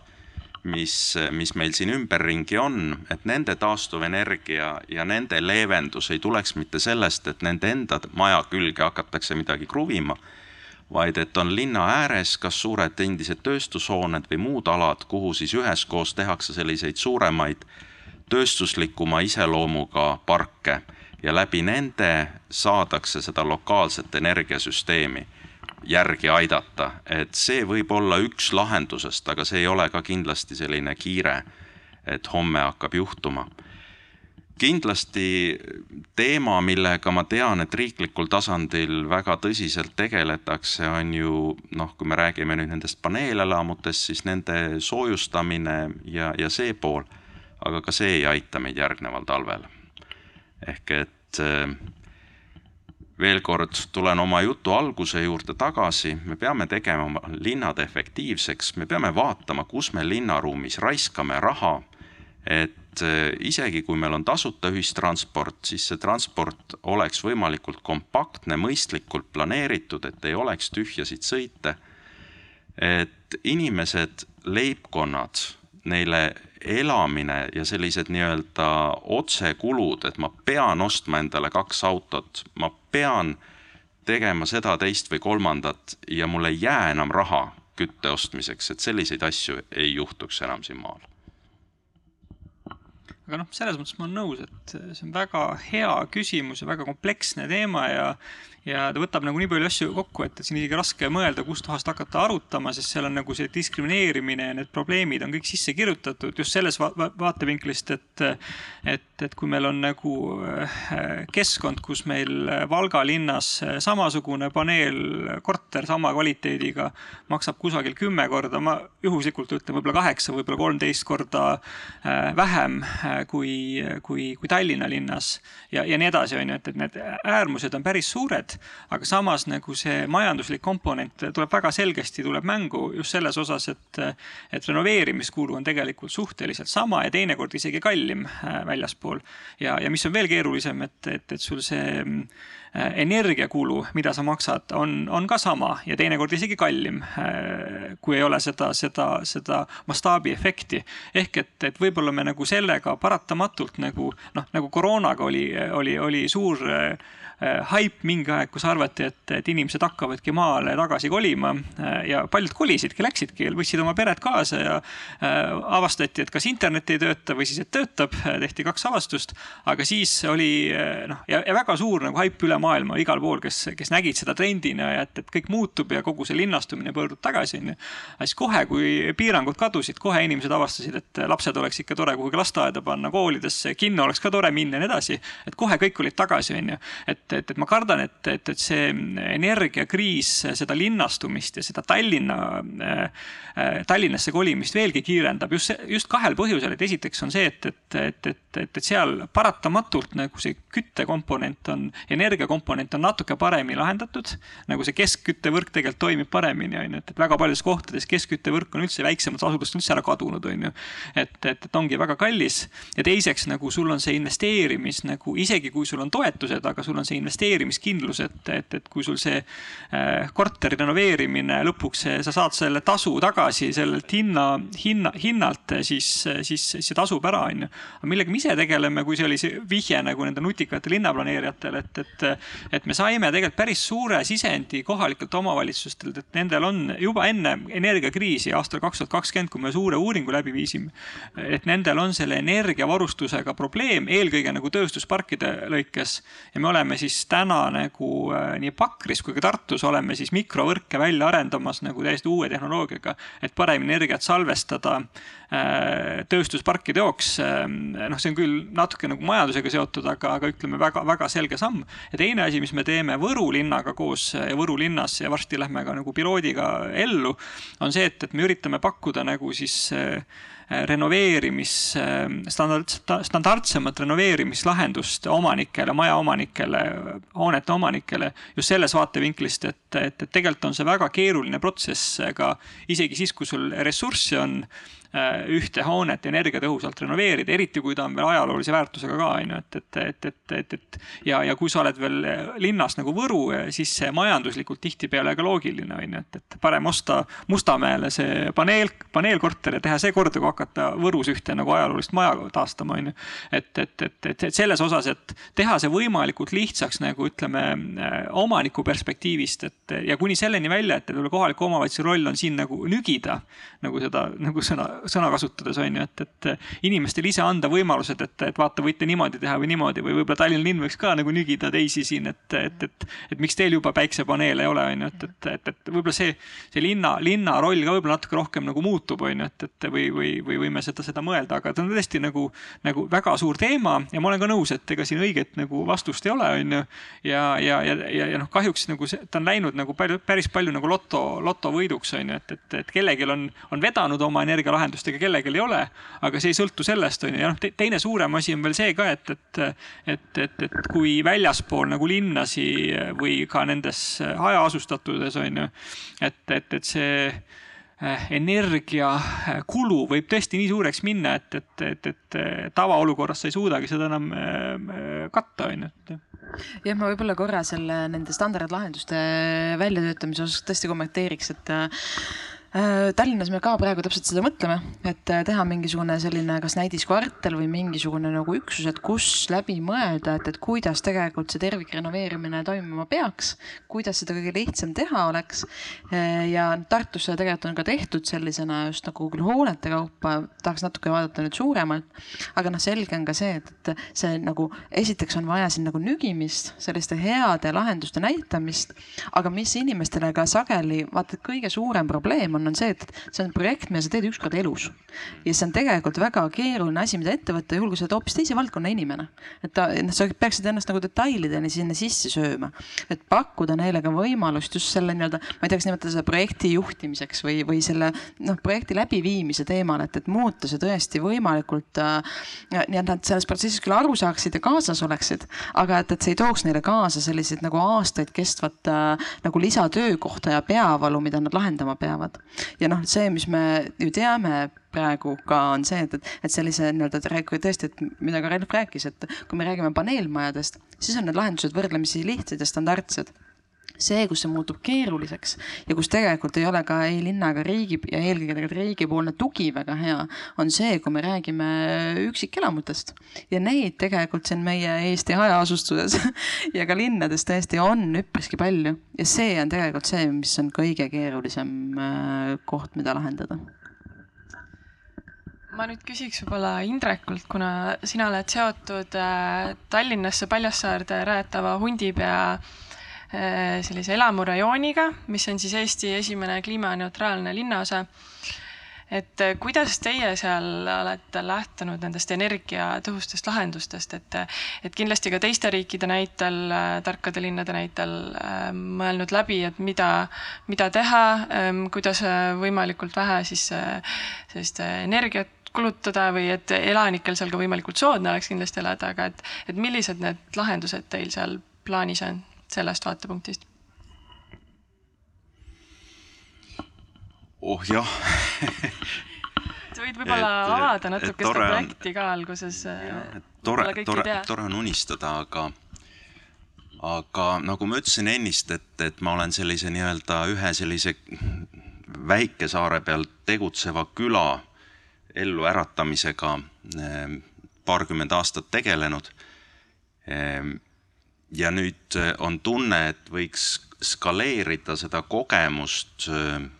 siis linnakeskkonnas, kus on olnud minu siis selline professionaalne tegevus ja kogemus. ja, ja kui nagu arhitektina sa nagu vaatad linna, sa nagu analüüsid seda teadmist, mis sulle on siis aastatega akumuleerunud, siis üks või teine piirkond sinu jaoks hakkab lihtsalt äh, helisema ja, ja minu jaoks Tallinnas hakkas väga selgelt helisema Põhja-Tallinn ja, ja seal, seal eriti siis äh, totaalne brownfield äh,. täna täiesti arendamata tööstusala jah, just, mis on, mis on täiesti amortiseerunud, kus enam vanad äh, noh, nii-öelda töökohti enam ei ole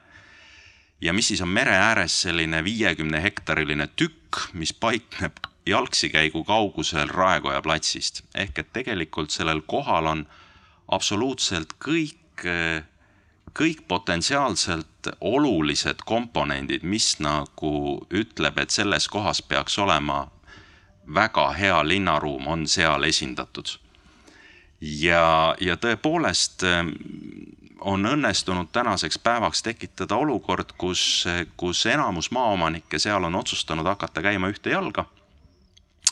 Ja mul on hakkamas tekkima väike lootus, et äkki isegi midagi õnnestub, aga noh, loomulikult selleks on vaja seal väga palju õnne ja erinevate osapoolte sellist, sellist entusiasmi. aga mida me teha tahame? vastus küsimusele, et, et kuidas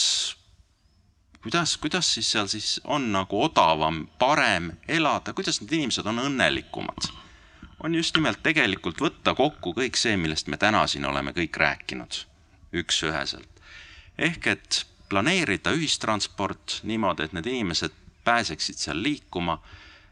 planeerida rattateed viisil, et on võimalik sõita kiira-käära kohvikust kohvikusse, klaasi tagant klaasi taha ja on võimalik sõita kiirelt tööle teise linnaossa rattaga.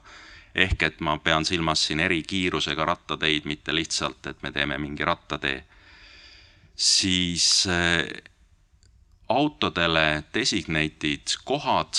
kus siis on võimalik kasutada just jagamismajanduse põhjal tulenevaid autosid, millega on hiljem võimalik liita kasvõi droonide liiklus ehk et lahendada ära transport. tänu sellele jääb inimestel juba rohkem raha kätte. Seda, et seda targalt kasutada, vaadata, et meie suurim eh, rikkus Eestis, mis on selgelt alakasutatud, on ju meie meri ja see energia, mis on meres. ehk et eh, nende majade soojus, nende majade jahutus oleks selgelt tuleneb, tuleb siis eh, merevee kaudu õnneks Tallinna lahes on piisavalt hea eh, veevahetus, täna on TalTechiga käimas meil eh, küllalt mastaapne uurimustöö, mis, eh, mis neid asju veel täpsemalt analüüsib. me tahame saavutada seda,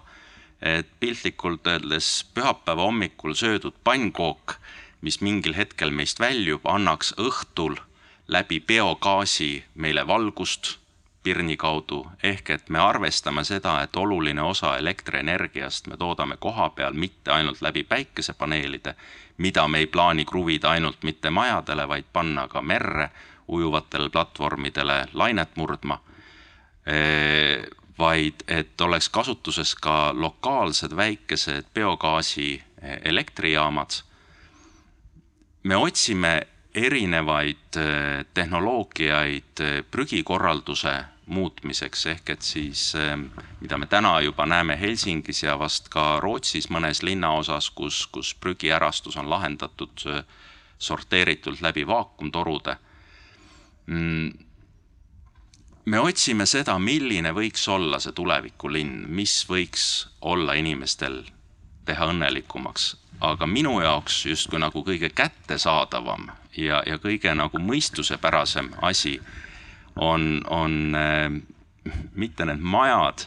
ja võib-olla isegi mitte nagu see, see suur tehnoloogia, mis sealjuures on, vaid see, kuidas me plaanime seda piirkonda haljastada. ehk et siis täna see on väga paljuski, no seal on vist, ma ei tea, kümmekond puud või no võib-olla natukene rohkem väga suure ala peale.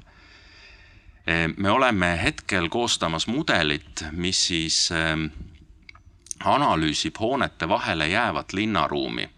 ja kohtades, kus eh, me näeme, et hakkab tekkima eh, probleeme liigse tuulega või kohtades, kus me näeme, et saab olema küll väga vaikne, aga väga päikseline koht ehk et meil hakkavad tekkima kuumasaared, et me nendesse kohtadesse tahame kõigepealt rajada vastava kõrghaljastuse ja see on see, millega me tegelikult tahame selle rajooni ehitamisega pihta hakata, ehk et mitte hakata ehitama maju, vaid kõigepealt hakata seda piirkonda haljastama. ja haljastuse all me juba täna teame, et see saab olema väga mitmekihiline, ehk et saavad olema traditsioonilised pargid, saavad olema kogukonnaaiad, mis on selline natuke moodsam lähenemine halja, linna haljastusele. Aga taas, mis on minu jaoks väga oluline, et meil jäävad sisse, me oleme planeerinud kaunis laiad rohekoridorid, mis jäävad nii-öelda looduse iseolemise alaks, kus me siis lasemegi sellel noh, seemnel, mis sinna on sattunud, kasvada nii, nagu ta ise tahab. et, et sellist asja me plaanime, me väga loodame, et et, meil õnnestub see ellu viia. Selle elluviimiseks me juba täna teame, et on loendamatu arv seadusi, mis peab muutuma alates Tallinna linna prügikorralduse eeskirjadest, sellepärast et me täna ei saa teha neid vaakumtorusid, sest see ikka lõpeb nende roheliste prügikastidega kuskil ja piip-piip sõitvate autodega samuti me teame, et me ei saa projekteerida täna selliseid tänavaid, nagu me tahame, sellepärast et me peame rajama mingeid tohutuid parkimiskohti ja neid tohutult laiu tänavaid, mis viivad nende parkimiskohtade juurde. Et ähm, jah, aga, aga noh, keegi peab ju sellega ka tegelema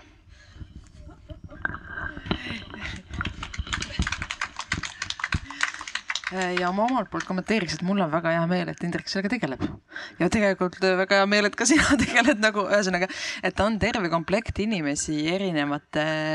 nii-öelda just nagu vaadete või poolte pealt, aga kelle eesmärk on sama. et äh, kuidas siis seda linna luua säästvamaks, mõnusamaks, õnnelikumaks, kaasavamaks, sest et ta vaieldamatult vajab neid erinevaid lähenemisi ja kompetentse, et, et lõpuks see tulemus, no et lõpuks me ka selle tulemuseni jõuaksime. ja loomulikult tegelikult vajab ka seadusi, mis reguleeriksid seda, kuidas me oma ühiselu korraldame. aga tõesti hästi oluline on see, et, et koostöös heade partneritega vaadata seda, et kuidas need seadused siis vastavalt muutunud oludele ka muutuma peavad aga jah, see võib-olla natuke vaadates nagu teiste linnade nagu kogemusi ja võib-olla isegi nagu Indrek juba mainis ka Helsingit näiteks, et, et et, et noh, üldse Euroopas on nagu see suur väljakutse, et ega siin ühtegi uut linna väga lihtsalt nagu ehitada ei saa, et võrreldes nagu e-, Emiraatidega või Aasiaga, kus neid päriselt ka igapäevaselt arendatakse ja planeeritakse. ja võib-olla on hea ka, et me seda teha ei saa, aga Euroopas siis tehakse neid vanu vanglaid, ehitatakse ümber nutikateks ja kliimaneutraalseteks linnadeks ja veel rohkem isegi sadamaid, mis on ka Tallinnas näide, kuidas sadam on arenenud, aga mis on ka Helsingis, et see näiteks Kalasadama piirkond on just nagu see, mis on, üritab seda kliima, kliima kliimanutikust ja siis seda head elukeskkonda kokku viia ja täiesti uus sihuke miljardi eurone projekt, äh, mis hakkab nüüd juba vaikselt realiseeruma kõikide nende prügilahendustega, mis on maa alla viidud, kui ka äh, energiasalvestusega merevees ja nii edasi. aga milleks nad jõudsid nagu selle argumendini, et miks inimesed peaks päriselt sinna tulema, see oli nagu, ma ei tea, võttis aasta-kaks aega. et, et, et noh, täpselt nagu see, et, et vältida seda, mis Indrek enne ütles nagu Mastariga, et, et võid küll ägeda linna välja arendada, aga kui sul keegi ei tule sinna, siis võib-olla ta nii äge ei ole. ja siis nad jõudsid sinnamaani, et see põhiargument on ikkagi see, et, et, et inimesed, kes sinna kolivad, võidavad aega. et, et, et kas see on siis kolmkümmend minutit või kuuskümmend minutit, et nad pakuvad seda aega, et, et kui sa sinna kolid, et sul on see paremini läbi mõeldud, teenused on paremini kättesaadavad,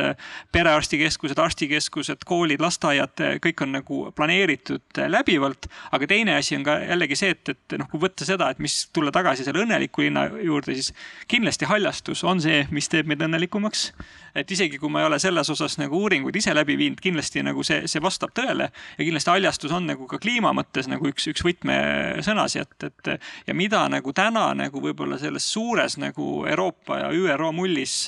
natuke ka nagu, nagu äh, vähe prioritiseeritakse just seda, et, et me ise oleme ka selle digi või rohekaksiku piloodi käivitanud just selles osas, et vaadata, kuidas nagu see haljastuse dünaam-, dünaamika Äh, linnas muutub. Ja Tallinna linna näitel, et loodetavasti ühel hetkel me saame siis näidata seda, et, et, et, et, et, et hakkab nagu, et kuidas, kuidas see dünaamika paremini töötab, kuni selleni välja, et sa ise saad oma, oma naabri krundi osas nagu seda ühel hetkel vaadata ja aru saada sellest paremini. aga teisest küljest see on ka ainuke asi, mis nagu nii-öelda offset ib nagu seda kliima, kliimaväljakutset ka on ju, et, et kui meil rohkem puid, meil rohkem põõsaid linnakeskkonnas, meil automaatselt on ka parem keskkond ja mis on nagu Eesti osas hea, kui tulla tagasi positiivse juurde ja võib-olla sellepärast ka, et nüüd nii hajaasustatud oleme, on, on üks väga hea asi, on see, et, et Eestis on väga-väga-väga hea äh, õhukvaliteet. et meil ei ole ka linnades nagu neid suuri äh, musta karboni või selle probleeme. et, et, et, et, et võrreldes nagu, nagu väga paljude teiste suurte linnadega meil seda ei ole. aga, aga mis on võib-olla see üks, üks komponent, mis selle, selle hea, heaolukeskkonna juures veel nagu rolli mängib, on siis see siseõhk, on ju, et, et, et kuidas nagu see siis, kui me räägime nendest paneelmajadest, majade renoveerimisest, aga kui me räägime ka lasteaedadest Tallinnas, Tartus, kus iganes Paides, et, et, et kuidas teha kindlaks, et energiaefektiivselt nagu see siseõhu kvaliteet oleks hea, sest paratamatult selles piirkonnas, kus me elame, me peame väga palju siseruumides olema. täna on küll erand, aga, aga, aga kui me läheme pool aastat edasi, me peame siseruumides tagasi minema. ja kuidas teha kindlaks, et siis see ventilatsioon päriselt ka töötab ja mitte niimoodi, et, et, et kui energiahinnad lähevad väga kõrgeks, siis esimene asi, mida siis välja lülitatakse, on ventilatsioon. ja samal ajal nagu tehes väga suure karuteene nii õnnelikkuse tundele kui ka tegelikult ka haiguste progresseerumise ja nii edasi, et, et, et, et see on väga-väga suur väljakutse. ja see samamoodi on nagu, nagu suur väljakutse üle Eesti, üle erinevates linnades, jah ja et me alguses ka mainisime siin või õigemini teie mainisite, et andmete kasutamist ja et see andmepõhisus just sellise linna planeerimise vaates, aga, aga samal ajal on ka oluline see kogukondade ja, ja elanike arvamuste kuulamine. et ma kujutan ette, et vahel võib olla väga keeruline leida see tasakaal, et ühest küljest me nagu teaduse poole pealt ja andmete poole pealt näeme, et mis oleks õige, mis on selline tõestatud fakt, et nii peaks tegema, aga kui meil elanikud tahavad miskit muud või hoopis vastupidist, et kus ku,, kuidas see tasakaal leida? Mina hästi usun sellesse ja olles just nagu aastaid tegelikult selle kodaniku pool olnud ja küsinud just, et miks me nii teeme või kas see on kõige põhjendatum. Äh, julgen küll öelda, et hästi palju on kinni selgitamises ja järjepidevas suhtluses, et äh, see on kommunikatsioon, kommunikatsioon, kommunikatsioon, kommunikatsioon. ja noh, mitte lihtsalt see, et, et ma ütlen siis, kui ma midagi tegema hakkan, vaid tõesti, see peab olema väga hästi läbimõeldud, väga järjepidev, väga aus ja väga selgetele eesmärkidele suunatud. et äh, noh, kõige olulisem on eriti suurte muudatuste ettevõtmisel ja noh, mis ei tähenda absoluutselt seda, et nad ei pruugiks kohata nagu vastuseisu, et, et igasuguse suure muutmise, muutuse kes muutuste juhtimisega kokku puutunud, teab, et see ikkagi need, kes sellega kaasa lähevad, on väikene osa esialgu või noh, niisugune nagu keerulisem, pikaajalisem protsess. aga et, et selleks, et me üldse sellega alustada saaksime ja tal oleks see õnnestumise protsent, on oluline, et, et vähemalt kriitilisel osal meist oleks see sarnane nii-öelda eesmärgitunnetus ja sarnane infoväli, et, et mille suhtes, mille suunas me üldse töötama hakkame jah, see andmete küsimus on hästi kompleksne, et kui tulles tagasi positiivsuse juurde, et, et, et Eesti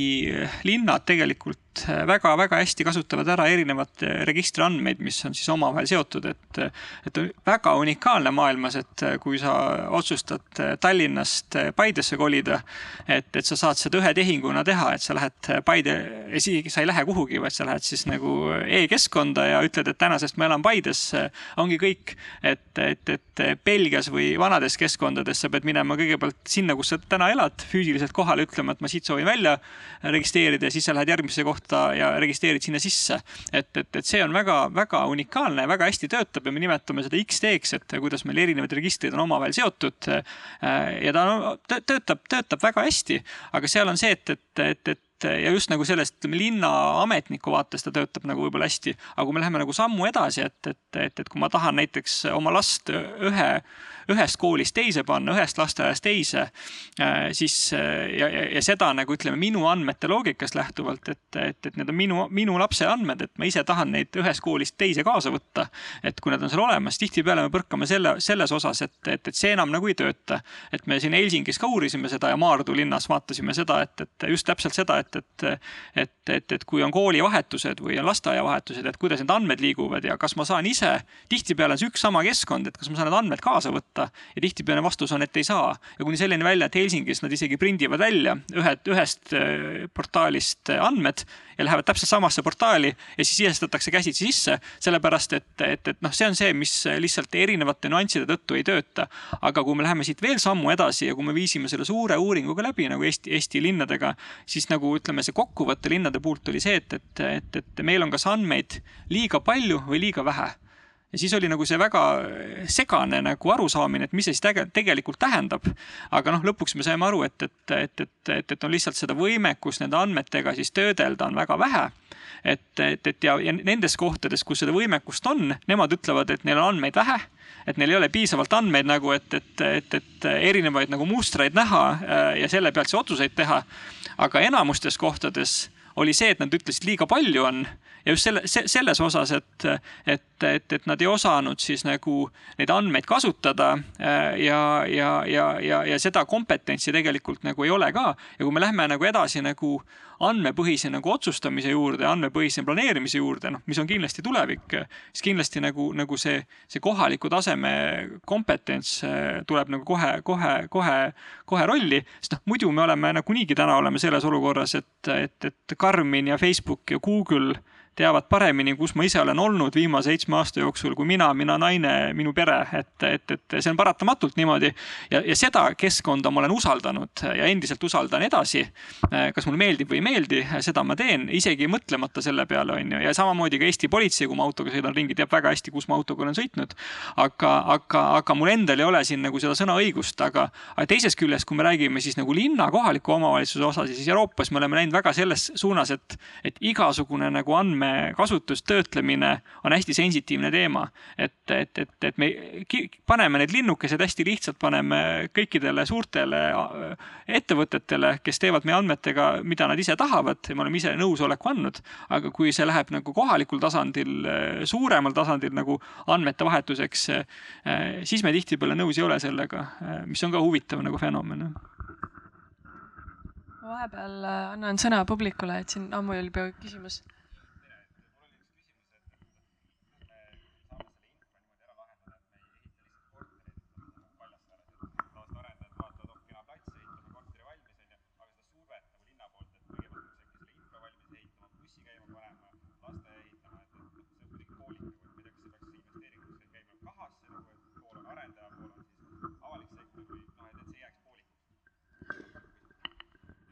jah, no linna poolt vaadates äh, ma näen, et see on ka väga paljuski selline nagu kokkuleppe või ootuste seadmise küsimus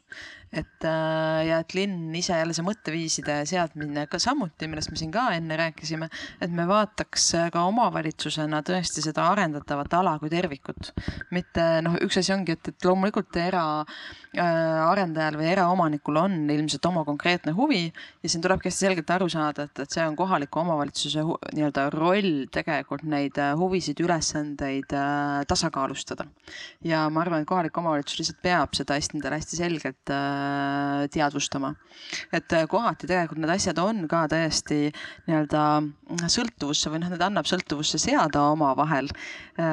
Küll kohati ka nii-öelda arendaja kohustamiseks või mingite kokkulepete saavutamiseks, kasvõi see, et, et näiteks selleks, et edasi minna mingisuguse järgneva ehitusetapiga, peab olema näiteks valmis ka lasteaed või et, et, et ta areneks nii-öelda nagu järjepidevalt. Ja seda tehakse ka ja tehakse ka juba praegu aga ma arvan, et mis siit võib-olla puudu on ja miks tegelikult need andmed on väga olulised, mida me Tallinnas ka praegu noh, üritame, meil on küll, meil on andmeid, tegelikult meil on jube palju andmeid, aga meil on jälle see, et, et mis andmed siis meil tegelikult on ja mis me nendega teeme, et, et see võib-olla veel on natukene segane, võib-olla mõned suured asjad on jälle natukene puudu. et noh, näiteks ongi see, et, et me praegu hästi selgelt äh, tegeleme nii-öelda enda rahvastikuprognoosiga, et aru saada, et, äh, et kuhu meil üldse, milline see nii-öelda, kui palju meil inimesi sisse tulemas on, kuhu nad tulemas on, et ära siduda see tegelikult äh, äh, selle nii-öelda ehitus- ja arendusõigusega, mis meil Tallinnas ka juba noh, tegelikult printsiibis nagu justkui jaotatud on, et, et kui me vaatame üldplaneeringutega ja osaliselt ka juba tegelikult kehtestatud detailplaneeringutega ära lubatud ehitusõigust nii-öelda hästi suures plaanis, siis see lisanduv potentsiaalne inimeste hulk on kakssada tuhat. Äh, ja selleks, et me juba pra-, noh, tegelikult selleks, et kui see kakssada tuhat või kui seal see hundipea kunagi valmis saab, on ju, siis noh, tegelikult selleks ajaks peaks linn olema ka suutnud selles kohas juba oma plaanidega kaasa tulla. mitte nii, et, et me avastame, et oh,, et, et siin noh, juba hakatakse ehitama, et, et äkki meil oleks mõnda lasteaeda või trammiliini ka siia vaja, et, et, et proovida seda kõike nagu tervikuna mõelda. ja noh, selleks ongi hästi oluline see, et, et me saaksime pildi ette, et mis meil on, mis meil saabumas on, noh, täpselt see lasteaedade uuring või nii-öelda analüüs, millest ma siin ka enne rääkisin, et, et vaadata, kuhu me oleme juba nii-öelda lasteaiad justkui nagu lubanud teha või kus nad on plaanis, kus neid reaalselt tegelikult on võimalik teha, kus meil tegelikult neid ka vaja on. et äh, see ongi niisugune nagu no nii-öelda suuremate, suuremate küsimuste seadmine suuta seada need strateegilistes valdkondades ja siis tegelikult need neis valdkondades ka nii-öelda selle plaani järgi käituda. et äh, see on väga oluline, nõus, see on väga oluline teema ja see ongi see, mis me praegu oleme endale linna planeerimises ka nii-öelda eesmärgiks võtnud, eesmärgiks seadnud. võib-olla nii palju ütleksin, et, et arhitektina oma praktikast vaadates selliste suuremate arendustega ei ole sellist probleemi. Et need on suhteliselt selgelt alati olnud linnaga kokkulepped koolide, lasteaedade, ma ei tea, teede, tänavate, tänavavalgustuse kanalisatsiooni, mille iganes osas.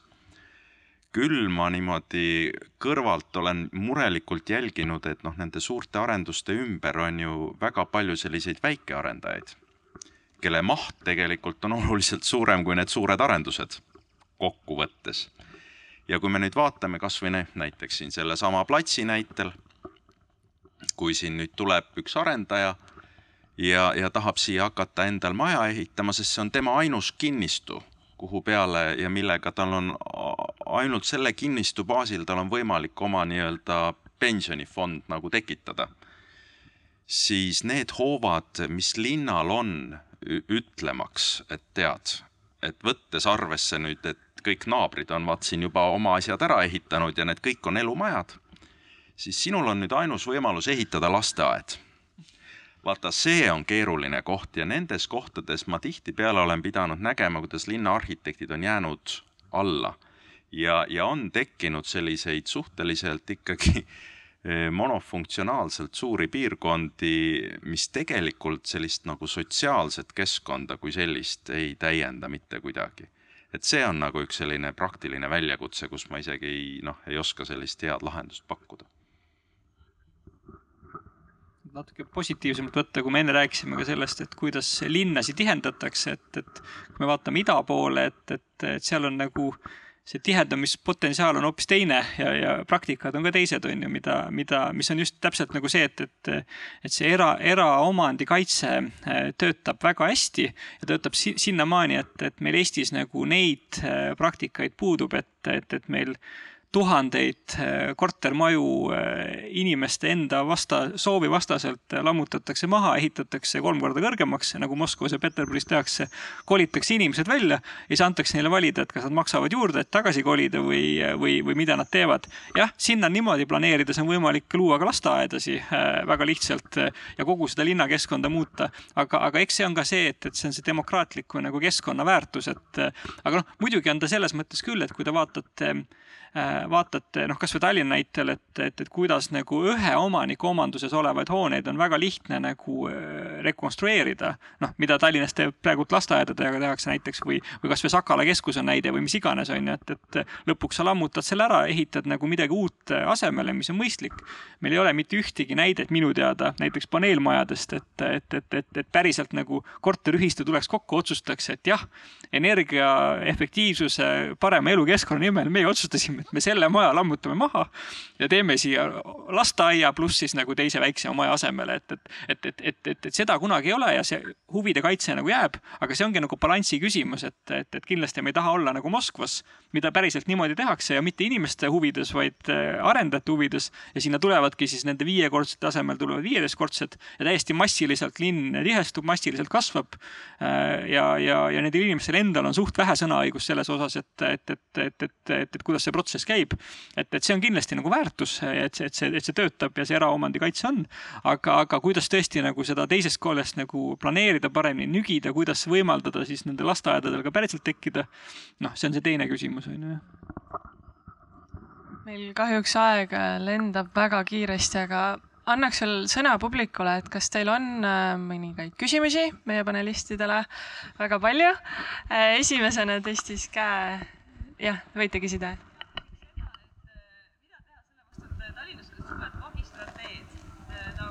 Tammsaare sõpruse puiestee ja tegelikult, eh, kes elab seal kõrval, nende elukeskkond suhteliselt on vaesustanud. Sa, sa tead, et sa elad tegelikult sellises keskkonnas, mis kahjustab su tervist, sest mürauuringud näitavad, et see on sul majas sees pidevalt. et mida selle vastu teha saab, et linna planeerimisega, et kas on mingeid häid lahendusi, sest nad on juba olemas seal, jah. et selline mu küsimus. no see on ma pean silmas, et see eelkõige on tehniline küsimus ja, ja nagunii need majad varem või hiljem rekonstrueeritakse. ja tänaste tehniliste lahendustega on võimalik tegelikult hoonete helipidavust vägagi palju tõsta. sest kui me näiteks vaatame, kus siis on Tallinnas nagu kõikse mürarikkamad kohad, siis üks koht on näiteks see koht, kus Viru keskuse alt bussid välja kiirendavad sinna Viru ristmiku poole. see lihtsalt statistiliselt on üks see koht ja kuna ma juhtumisi olen sinna kõrvale projekteerinud ühe hotelli ja hotell peab olema samade nõuetega nagu eluhoone ehk et just müra suhtes, siis, siis seal see klaassein suudab selle tagada, aga see klaassein, mis seal on, on ikkagi oluliselt erinev nendest plastakendest, mida me tavaliselt kasutame Mustamäel kortermajade rekonstrueerimisel. ehk et siis see on tehniline küsimus lisaks loomulikult ventilatsioon, mis nagunii tänapäevasel majal tuleb rekonstrueerida. jah. ehk siis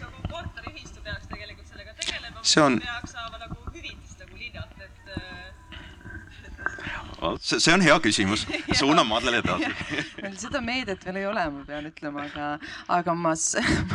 ma ikkagi seda nagu arutelu, diskussiooni aspekti sisse tuues ma ütlen, et ma ei ole, Indrek, sinuga nõus, et tegemist on tehnilise küsimusega. minu arust on tegemist ka poliitilise küsimusega ja poliitilise küsimuse või just valikute küsimusega, kui me räägime siin vaates, et me räägime tulevikulinnast. et äh, ja kui me räägime või noh, mõeldes Tallinnas just tänavatest, mis on üks minu äh, südameteema, siis äh, mis see muutus, mis äh, tänavatest mõtlemisel meil ka strateegilisel tasandil nüüd on, on see, et, et me tegelikult ei mõtle enam teedest kui magistraaltänavatest ja jaotustänavatest, vaid et tänavate puhul on väga oluline ka see ruumiline mõiste, koha väärtus, et tänav ei ole ainult koht äh, liikluse jaoks, see on ka koht olemiseks. et loomulikult äh, noh, see, nii-öelda selleks on olemas selline nii-öelda maatriks, kuidas neid tänavaid siis äh, just selle koha väärtuse kontekstist äh, lähtuvalt ka äh, nii-öelda lahterdada, et, et kuidas vaadata, et kus see on suurem, kus see on väiksem. Ja noh, loomulikult tõesti on mingid tänavad, kus see liikumise tähtsus äh, võrreldes kohaloleku tähtsusega jääb äh, väiksemaks äh, või on, on väiksem aga, aga võttes arvesse ka seda, et, et tõesti strateegiline eesmärk on vähendada autoga tehtavate sõitude arvu, sellepärast et äh, muul juhul me lihtsalt ei suuda saavutada oma seatud kliimaeesmärke. ja noh, mõte kesklinna kontekstis on ka tõesti see, et, et, et kuivõrd seal on vaja seda nii-öelda tänavate ruumijaotust ümber mängida, et kuskile need trammid ja rattarajad ära mahutada, sellepärast et on ju vaja liikuda ka ühi- ühistranspordi rattaga, siis nii-öelda vajadus kesklinna suunduvate suurte tänavate osas väheneb. Ehk et äh, see perspektiiv peaks olema see, et, et kui praegu seal on jah, tõesti suur müra, siis tegelikult tuleb tegeleda linna poolt ka sellega, et seda müra seal vähendada. kuidas müra saab vähendada, kaks lihtsat viisi, üks on liiklustihedus, teine on äh, piirkiirus, ehk et need on need kaks asja, mida tuleb selle puhul silmas pidada ja minu arust on see, no üks asi on see, et, et kuidas seal hoones sees on olla, jah, see on selles mõttes nagu tehniline küsimus, et loomulikult sa saad projekteerimisega seda, seda muuta, aga noh, linnakeskkonnas minu arust ei ole mõistlik rääkida nagu lahendusest heast ka kui sellisest äh, noh, ühesõnaga müratõkkeseinad loomulikult on tehniline võimalus, aga linnakeskkonnas nii kaua, kui need on võimalik vältida, me peaksime neid vältima. võtame kiiresti veel paar küsimust. jah, jah. jah, et kliimaeesmärkides ilmselt rohkem hoonete soojustamine ja, ja nullsaaste äh, ener- energia äh, panustab ilmselt rohkem kui see äh, autode väljaviimine linnast ja üleminek, ma arvan, aga tuleb läbi arvutada, et kuidas on, aga ki- kindlasti mõlemad on olulised ja liikuvusel kindlasti oma roll. tahtsin ikka küsida, kuidas saavutada seda no one is left behind, ma olin äh, äh, printsiibi järgi, mis siin selle roheleppe äh, äh, üks oluline komponent, aga just väga inspireeriv on see, oli see Indreku kirjeldus sellest uuest targast linnast, aga et siis, et kedagi ikkagi ei jäeta maha, et seesama need korteriühistud te- ja väga paljud elavad äh, suurtes kortermajades ja, ja, ja see, ja see energiavaesuse teema ja et kuidas nagu kõik need, kõik need, kogu see ülejäänud inimesi saaksid, et kuidas, küsiksin sedapidi, et näiteks, et kuidas, millise soovituse need arhitektid, planeerijad praegu ütleksid, et mida linn peaks tegema ja mida siis see inimene peaks tegema, võib-olla paar asja. et äh, mis pea, mis praegu puudu on ja mida peaks tegema. et kuidas nagu see tavakodanikud, kui nad nagu muutuvad nagu näiteks ühistu esimeesteks ja mida siis linn peaks, mida tavakodanik peaks tegema ühistu poole pealt, näiteks tekivad korteri või energiaühistud ja mida siis linn peaks kindlasti tegema. et kuidas see, te ütlesite raske probleem, aga kuidas saaks koha pealt ära? ma arvan, et osaliselt vastab sellele seesama meie vastasseis hiljaaegu siin Madlega, eks ole, kus mina rääkisin sellest, mida saab teha nagu äh, ühistu ise, mida saab teha inimene ise, et parandada nagu suhteliselt noh, mitu kärbest ühe hoobiga, et, et mitte lihtsalt pühi, eh, taodelda KredExilt rekonstrueerimislaenu viisil, et me teeme maja soojemaks, vaid sellega lahendada ära ka oma müraprobleem Madle rääkis sellest, mida nagu võiks teha linn selleks, et, et tegelikult kõigil meil lihtsalt by default lähekski elu lihtsamaks. Madle rääkis varasemalt ka keskküttest, eks ole, et keskküttepiirkondi laiendada. iseasi on, et tuleks veel mõelda, et, et tegelikult võib-olla sellise ühe suure monopoli asemel oleks sellised lokaalsemad energiavarustuse asjad mõistlikud, noh näiteks seesama Mustamäe kus me ju kõik teame, et, et see on selline väga niiske maapind seal all ja seal on tegelikult energiavaiadega võimalik saavutada väga palju ja väga häid tulemusi. et, et, et noh, et tegelikult teine pool on nagu väga selge see, mida saab linn teha see ongi nagu selles mõttes see suur nagu äh, suur väljakutse, et, et meile kõigile, et kui võtta nagu seda, et, et kuidas täita kliimaeesmärke, siis nagu noh, väga hästi näitas ära seda, et, et, et, et meil on vaja Covid kriisi. või väga hästi näitab ära ka suht teoreetiliselt, et see energiakriis aitabki seda, seda pikas perspektiivis nagu, nagu täita. inimesed tangivad vähem kütust, inimesed keeravad nagu äh, sooja temperatuuri kodudes maha, vähendavad äh, vett, mida nad kasutavad, sooja vett äh, duši all ja nii edasi. et, et see on juba täna toimumas, on ju, aga ja, ja noh, seal võiks ju keerata nagu seda veel juurde, et, et noh, kuni selleni välja, et, et, et ongi see energia on nii kallis kallis, et, et keegi seda ei, ei suuda kasutada. ja sõidetakse ainult rattaga ja seda on, ütleme, võimalik on projekteerida väga lihtne. aga teine küsimus on täpselt see, et kuidas balansseerida seda nagu, nagu me tuleme tagasi sellega, et, et, et linnad on ikka keskkonnad inimestele ja et inimestel oleks hea elada ja oleks ka nendel inimestel hea elada, kes on ela, ostnud sinna kunagi äh, endale kinnisvara, mis täna ei ole energiaefektiivne ja nad peavad täna seal kuidagi hakkama saama, on ju, et, et kuidas nagu seda balansseerida. ega sellega tegelevad täna kõik äh, ja, ja, ja, ja küsimus, et kuidas energiakriis ja kuidas see energiakriis lahendub, et kas ta selle kliimakriisi nagu hakkab pikemas perspektiivis nagu äh, lahendama või hoopiski tekivad nagu tõesti see, et, et unustame selle rohepakti täna ära, et, et, et, et, et lihtsalt, et see ei ole prioriteetne, on ju. et, et eks see ongi see, et, et, et, et siin tekib ka nagu see, see lahknevus ka, aga, aga ta on väga-väga suur teema ja väga-väga keeruline teema, jah et tegelikult nagu need kriisid meil ka näidanud on, siis inimene on võimeline harjuma ja kohanema võib-olla rohkemgi, kui me ise enne arvame. et kui see olukord on käes, et, et küll siis, küll siis me ikka hakkama saame ja et. aga enne kui me veel kokku võtame, meil oli üks küsimus veel. jah, palun. sellesama monofunktsionaalsusega seoses on nüüd võiks, võiks natuke teistmoodi läheneda. sest monofunktsionaalsus on suurel määral seadusandluse tulemus. kui võtta, minna sada aastat tagasi Tallinna vanalinna või Nõmmele või kuhu iganes, seal toimus rahulikult regionaalne polüfunktsionaalsus ja ka hoonete polüfunktsionaalsus praegu on maksusüsteemiga väga rangelt paika pandud, eks ole, et see on elamumaa, seal sa ei tohi hamburgeriputkat panna, seal sa ei tohi äh, lastehoidu korraldada, sa pead selle ärimaaks või sotsiaalmaaks teiseldama, siis saad maksud juurde või mis iganes kõik protsessid. et selline nii-öelda inimmõõtmeline polüfunktsionaalsuse, kui selle õnnestuks nii-öelda linnadesse sisse tuua, praeguse keelatuse tasemel muuta ta lubatavaks. et ta on optimeeritud ühele funktsioon, funktsioonile seadusandluse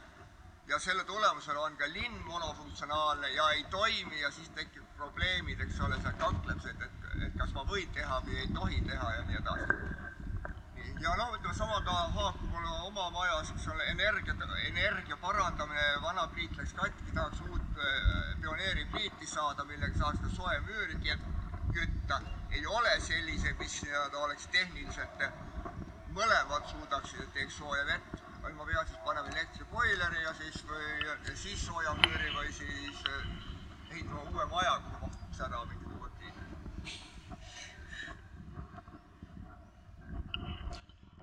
See esimene küsimus, ma ei tea, see on, mina olen väga nõus, et oluliselt vabam võiks olla. Aga ma tean, et minu kolleegid, kes töötavad linna planeerimisametis, nemad on nagu radikaalselt vastu, sellepärast et nende jaoks peab kõik täpne olema. Ja kõik peab olema nagu ette teada ja et ikkagi, mis korteris toimub, et kas seal käib nüüd nagu äritegevus või, või, või mis seal on. Ja siis on Päästeamet veel, eks ole, kes tahab seda hirmsasti teada. Aga, aga jah, et ma isiklikult oleks ka suurema vabaduse poolt. teisele küsimusele.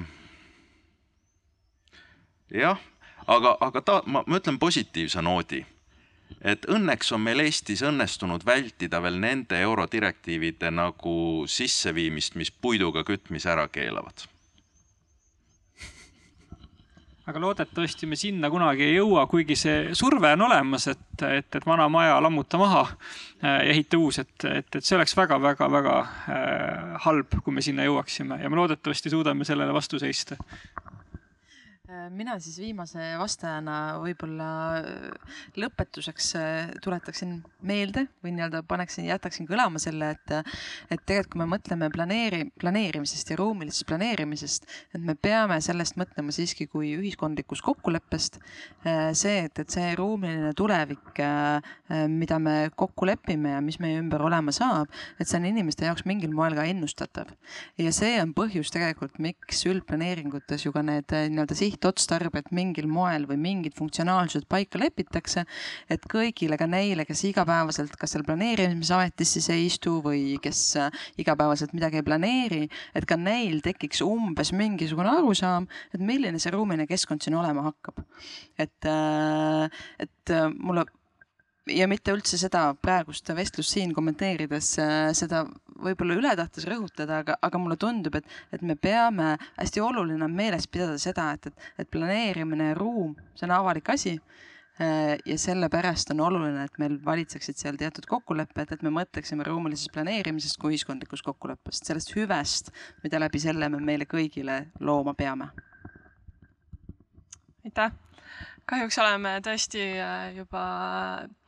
väga palju aega siin kulutanud ja, aga väga palju teemasid äh, sai kaetud, samas ka väga palju teemasid äh, sellised, kuhu me ei jõudnudki, ehk siis juttu jätkuks kindlasti kauemaks. ja ma arvan, kokkuvõtteks võib ka öelda, et, et väga raske on seda teemat kokku võtta. et neid äh, aspekte on palju, linna arendamine on väga mitmetahuline, nagu me kõik täna ka kuulsime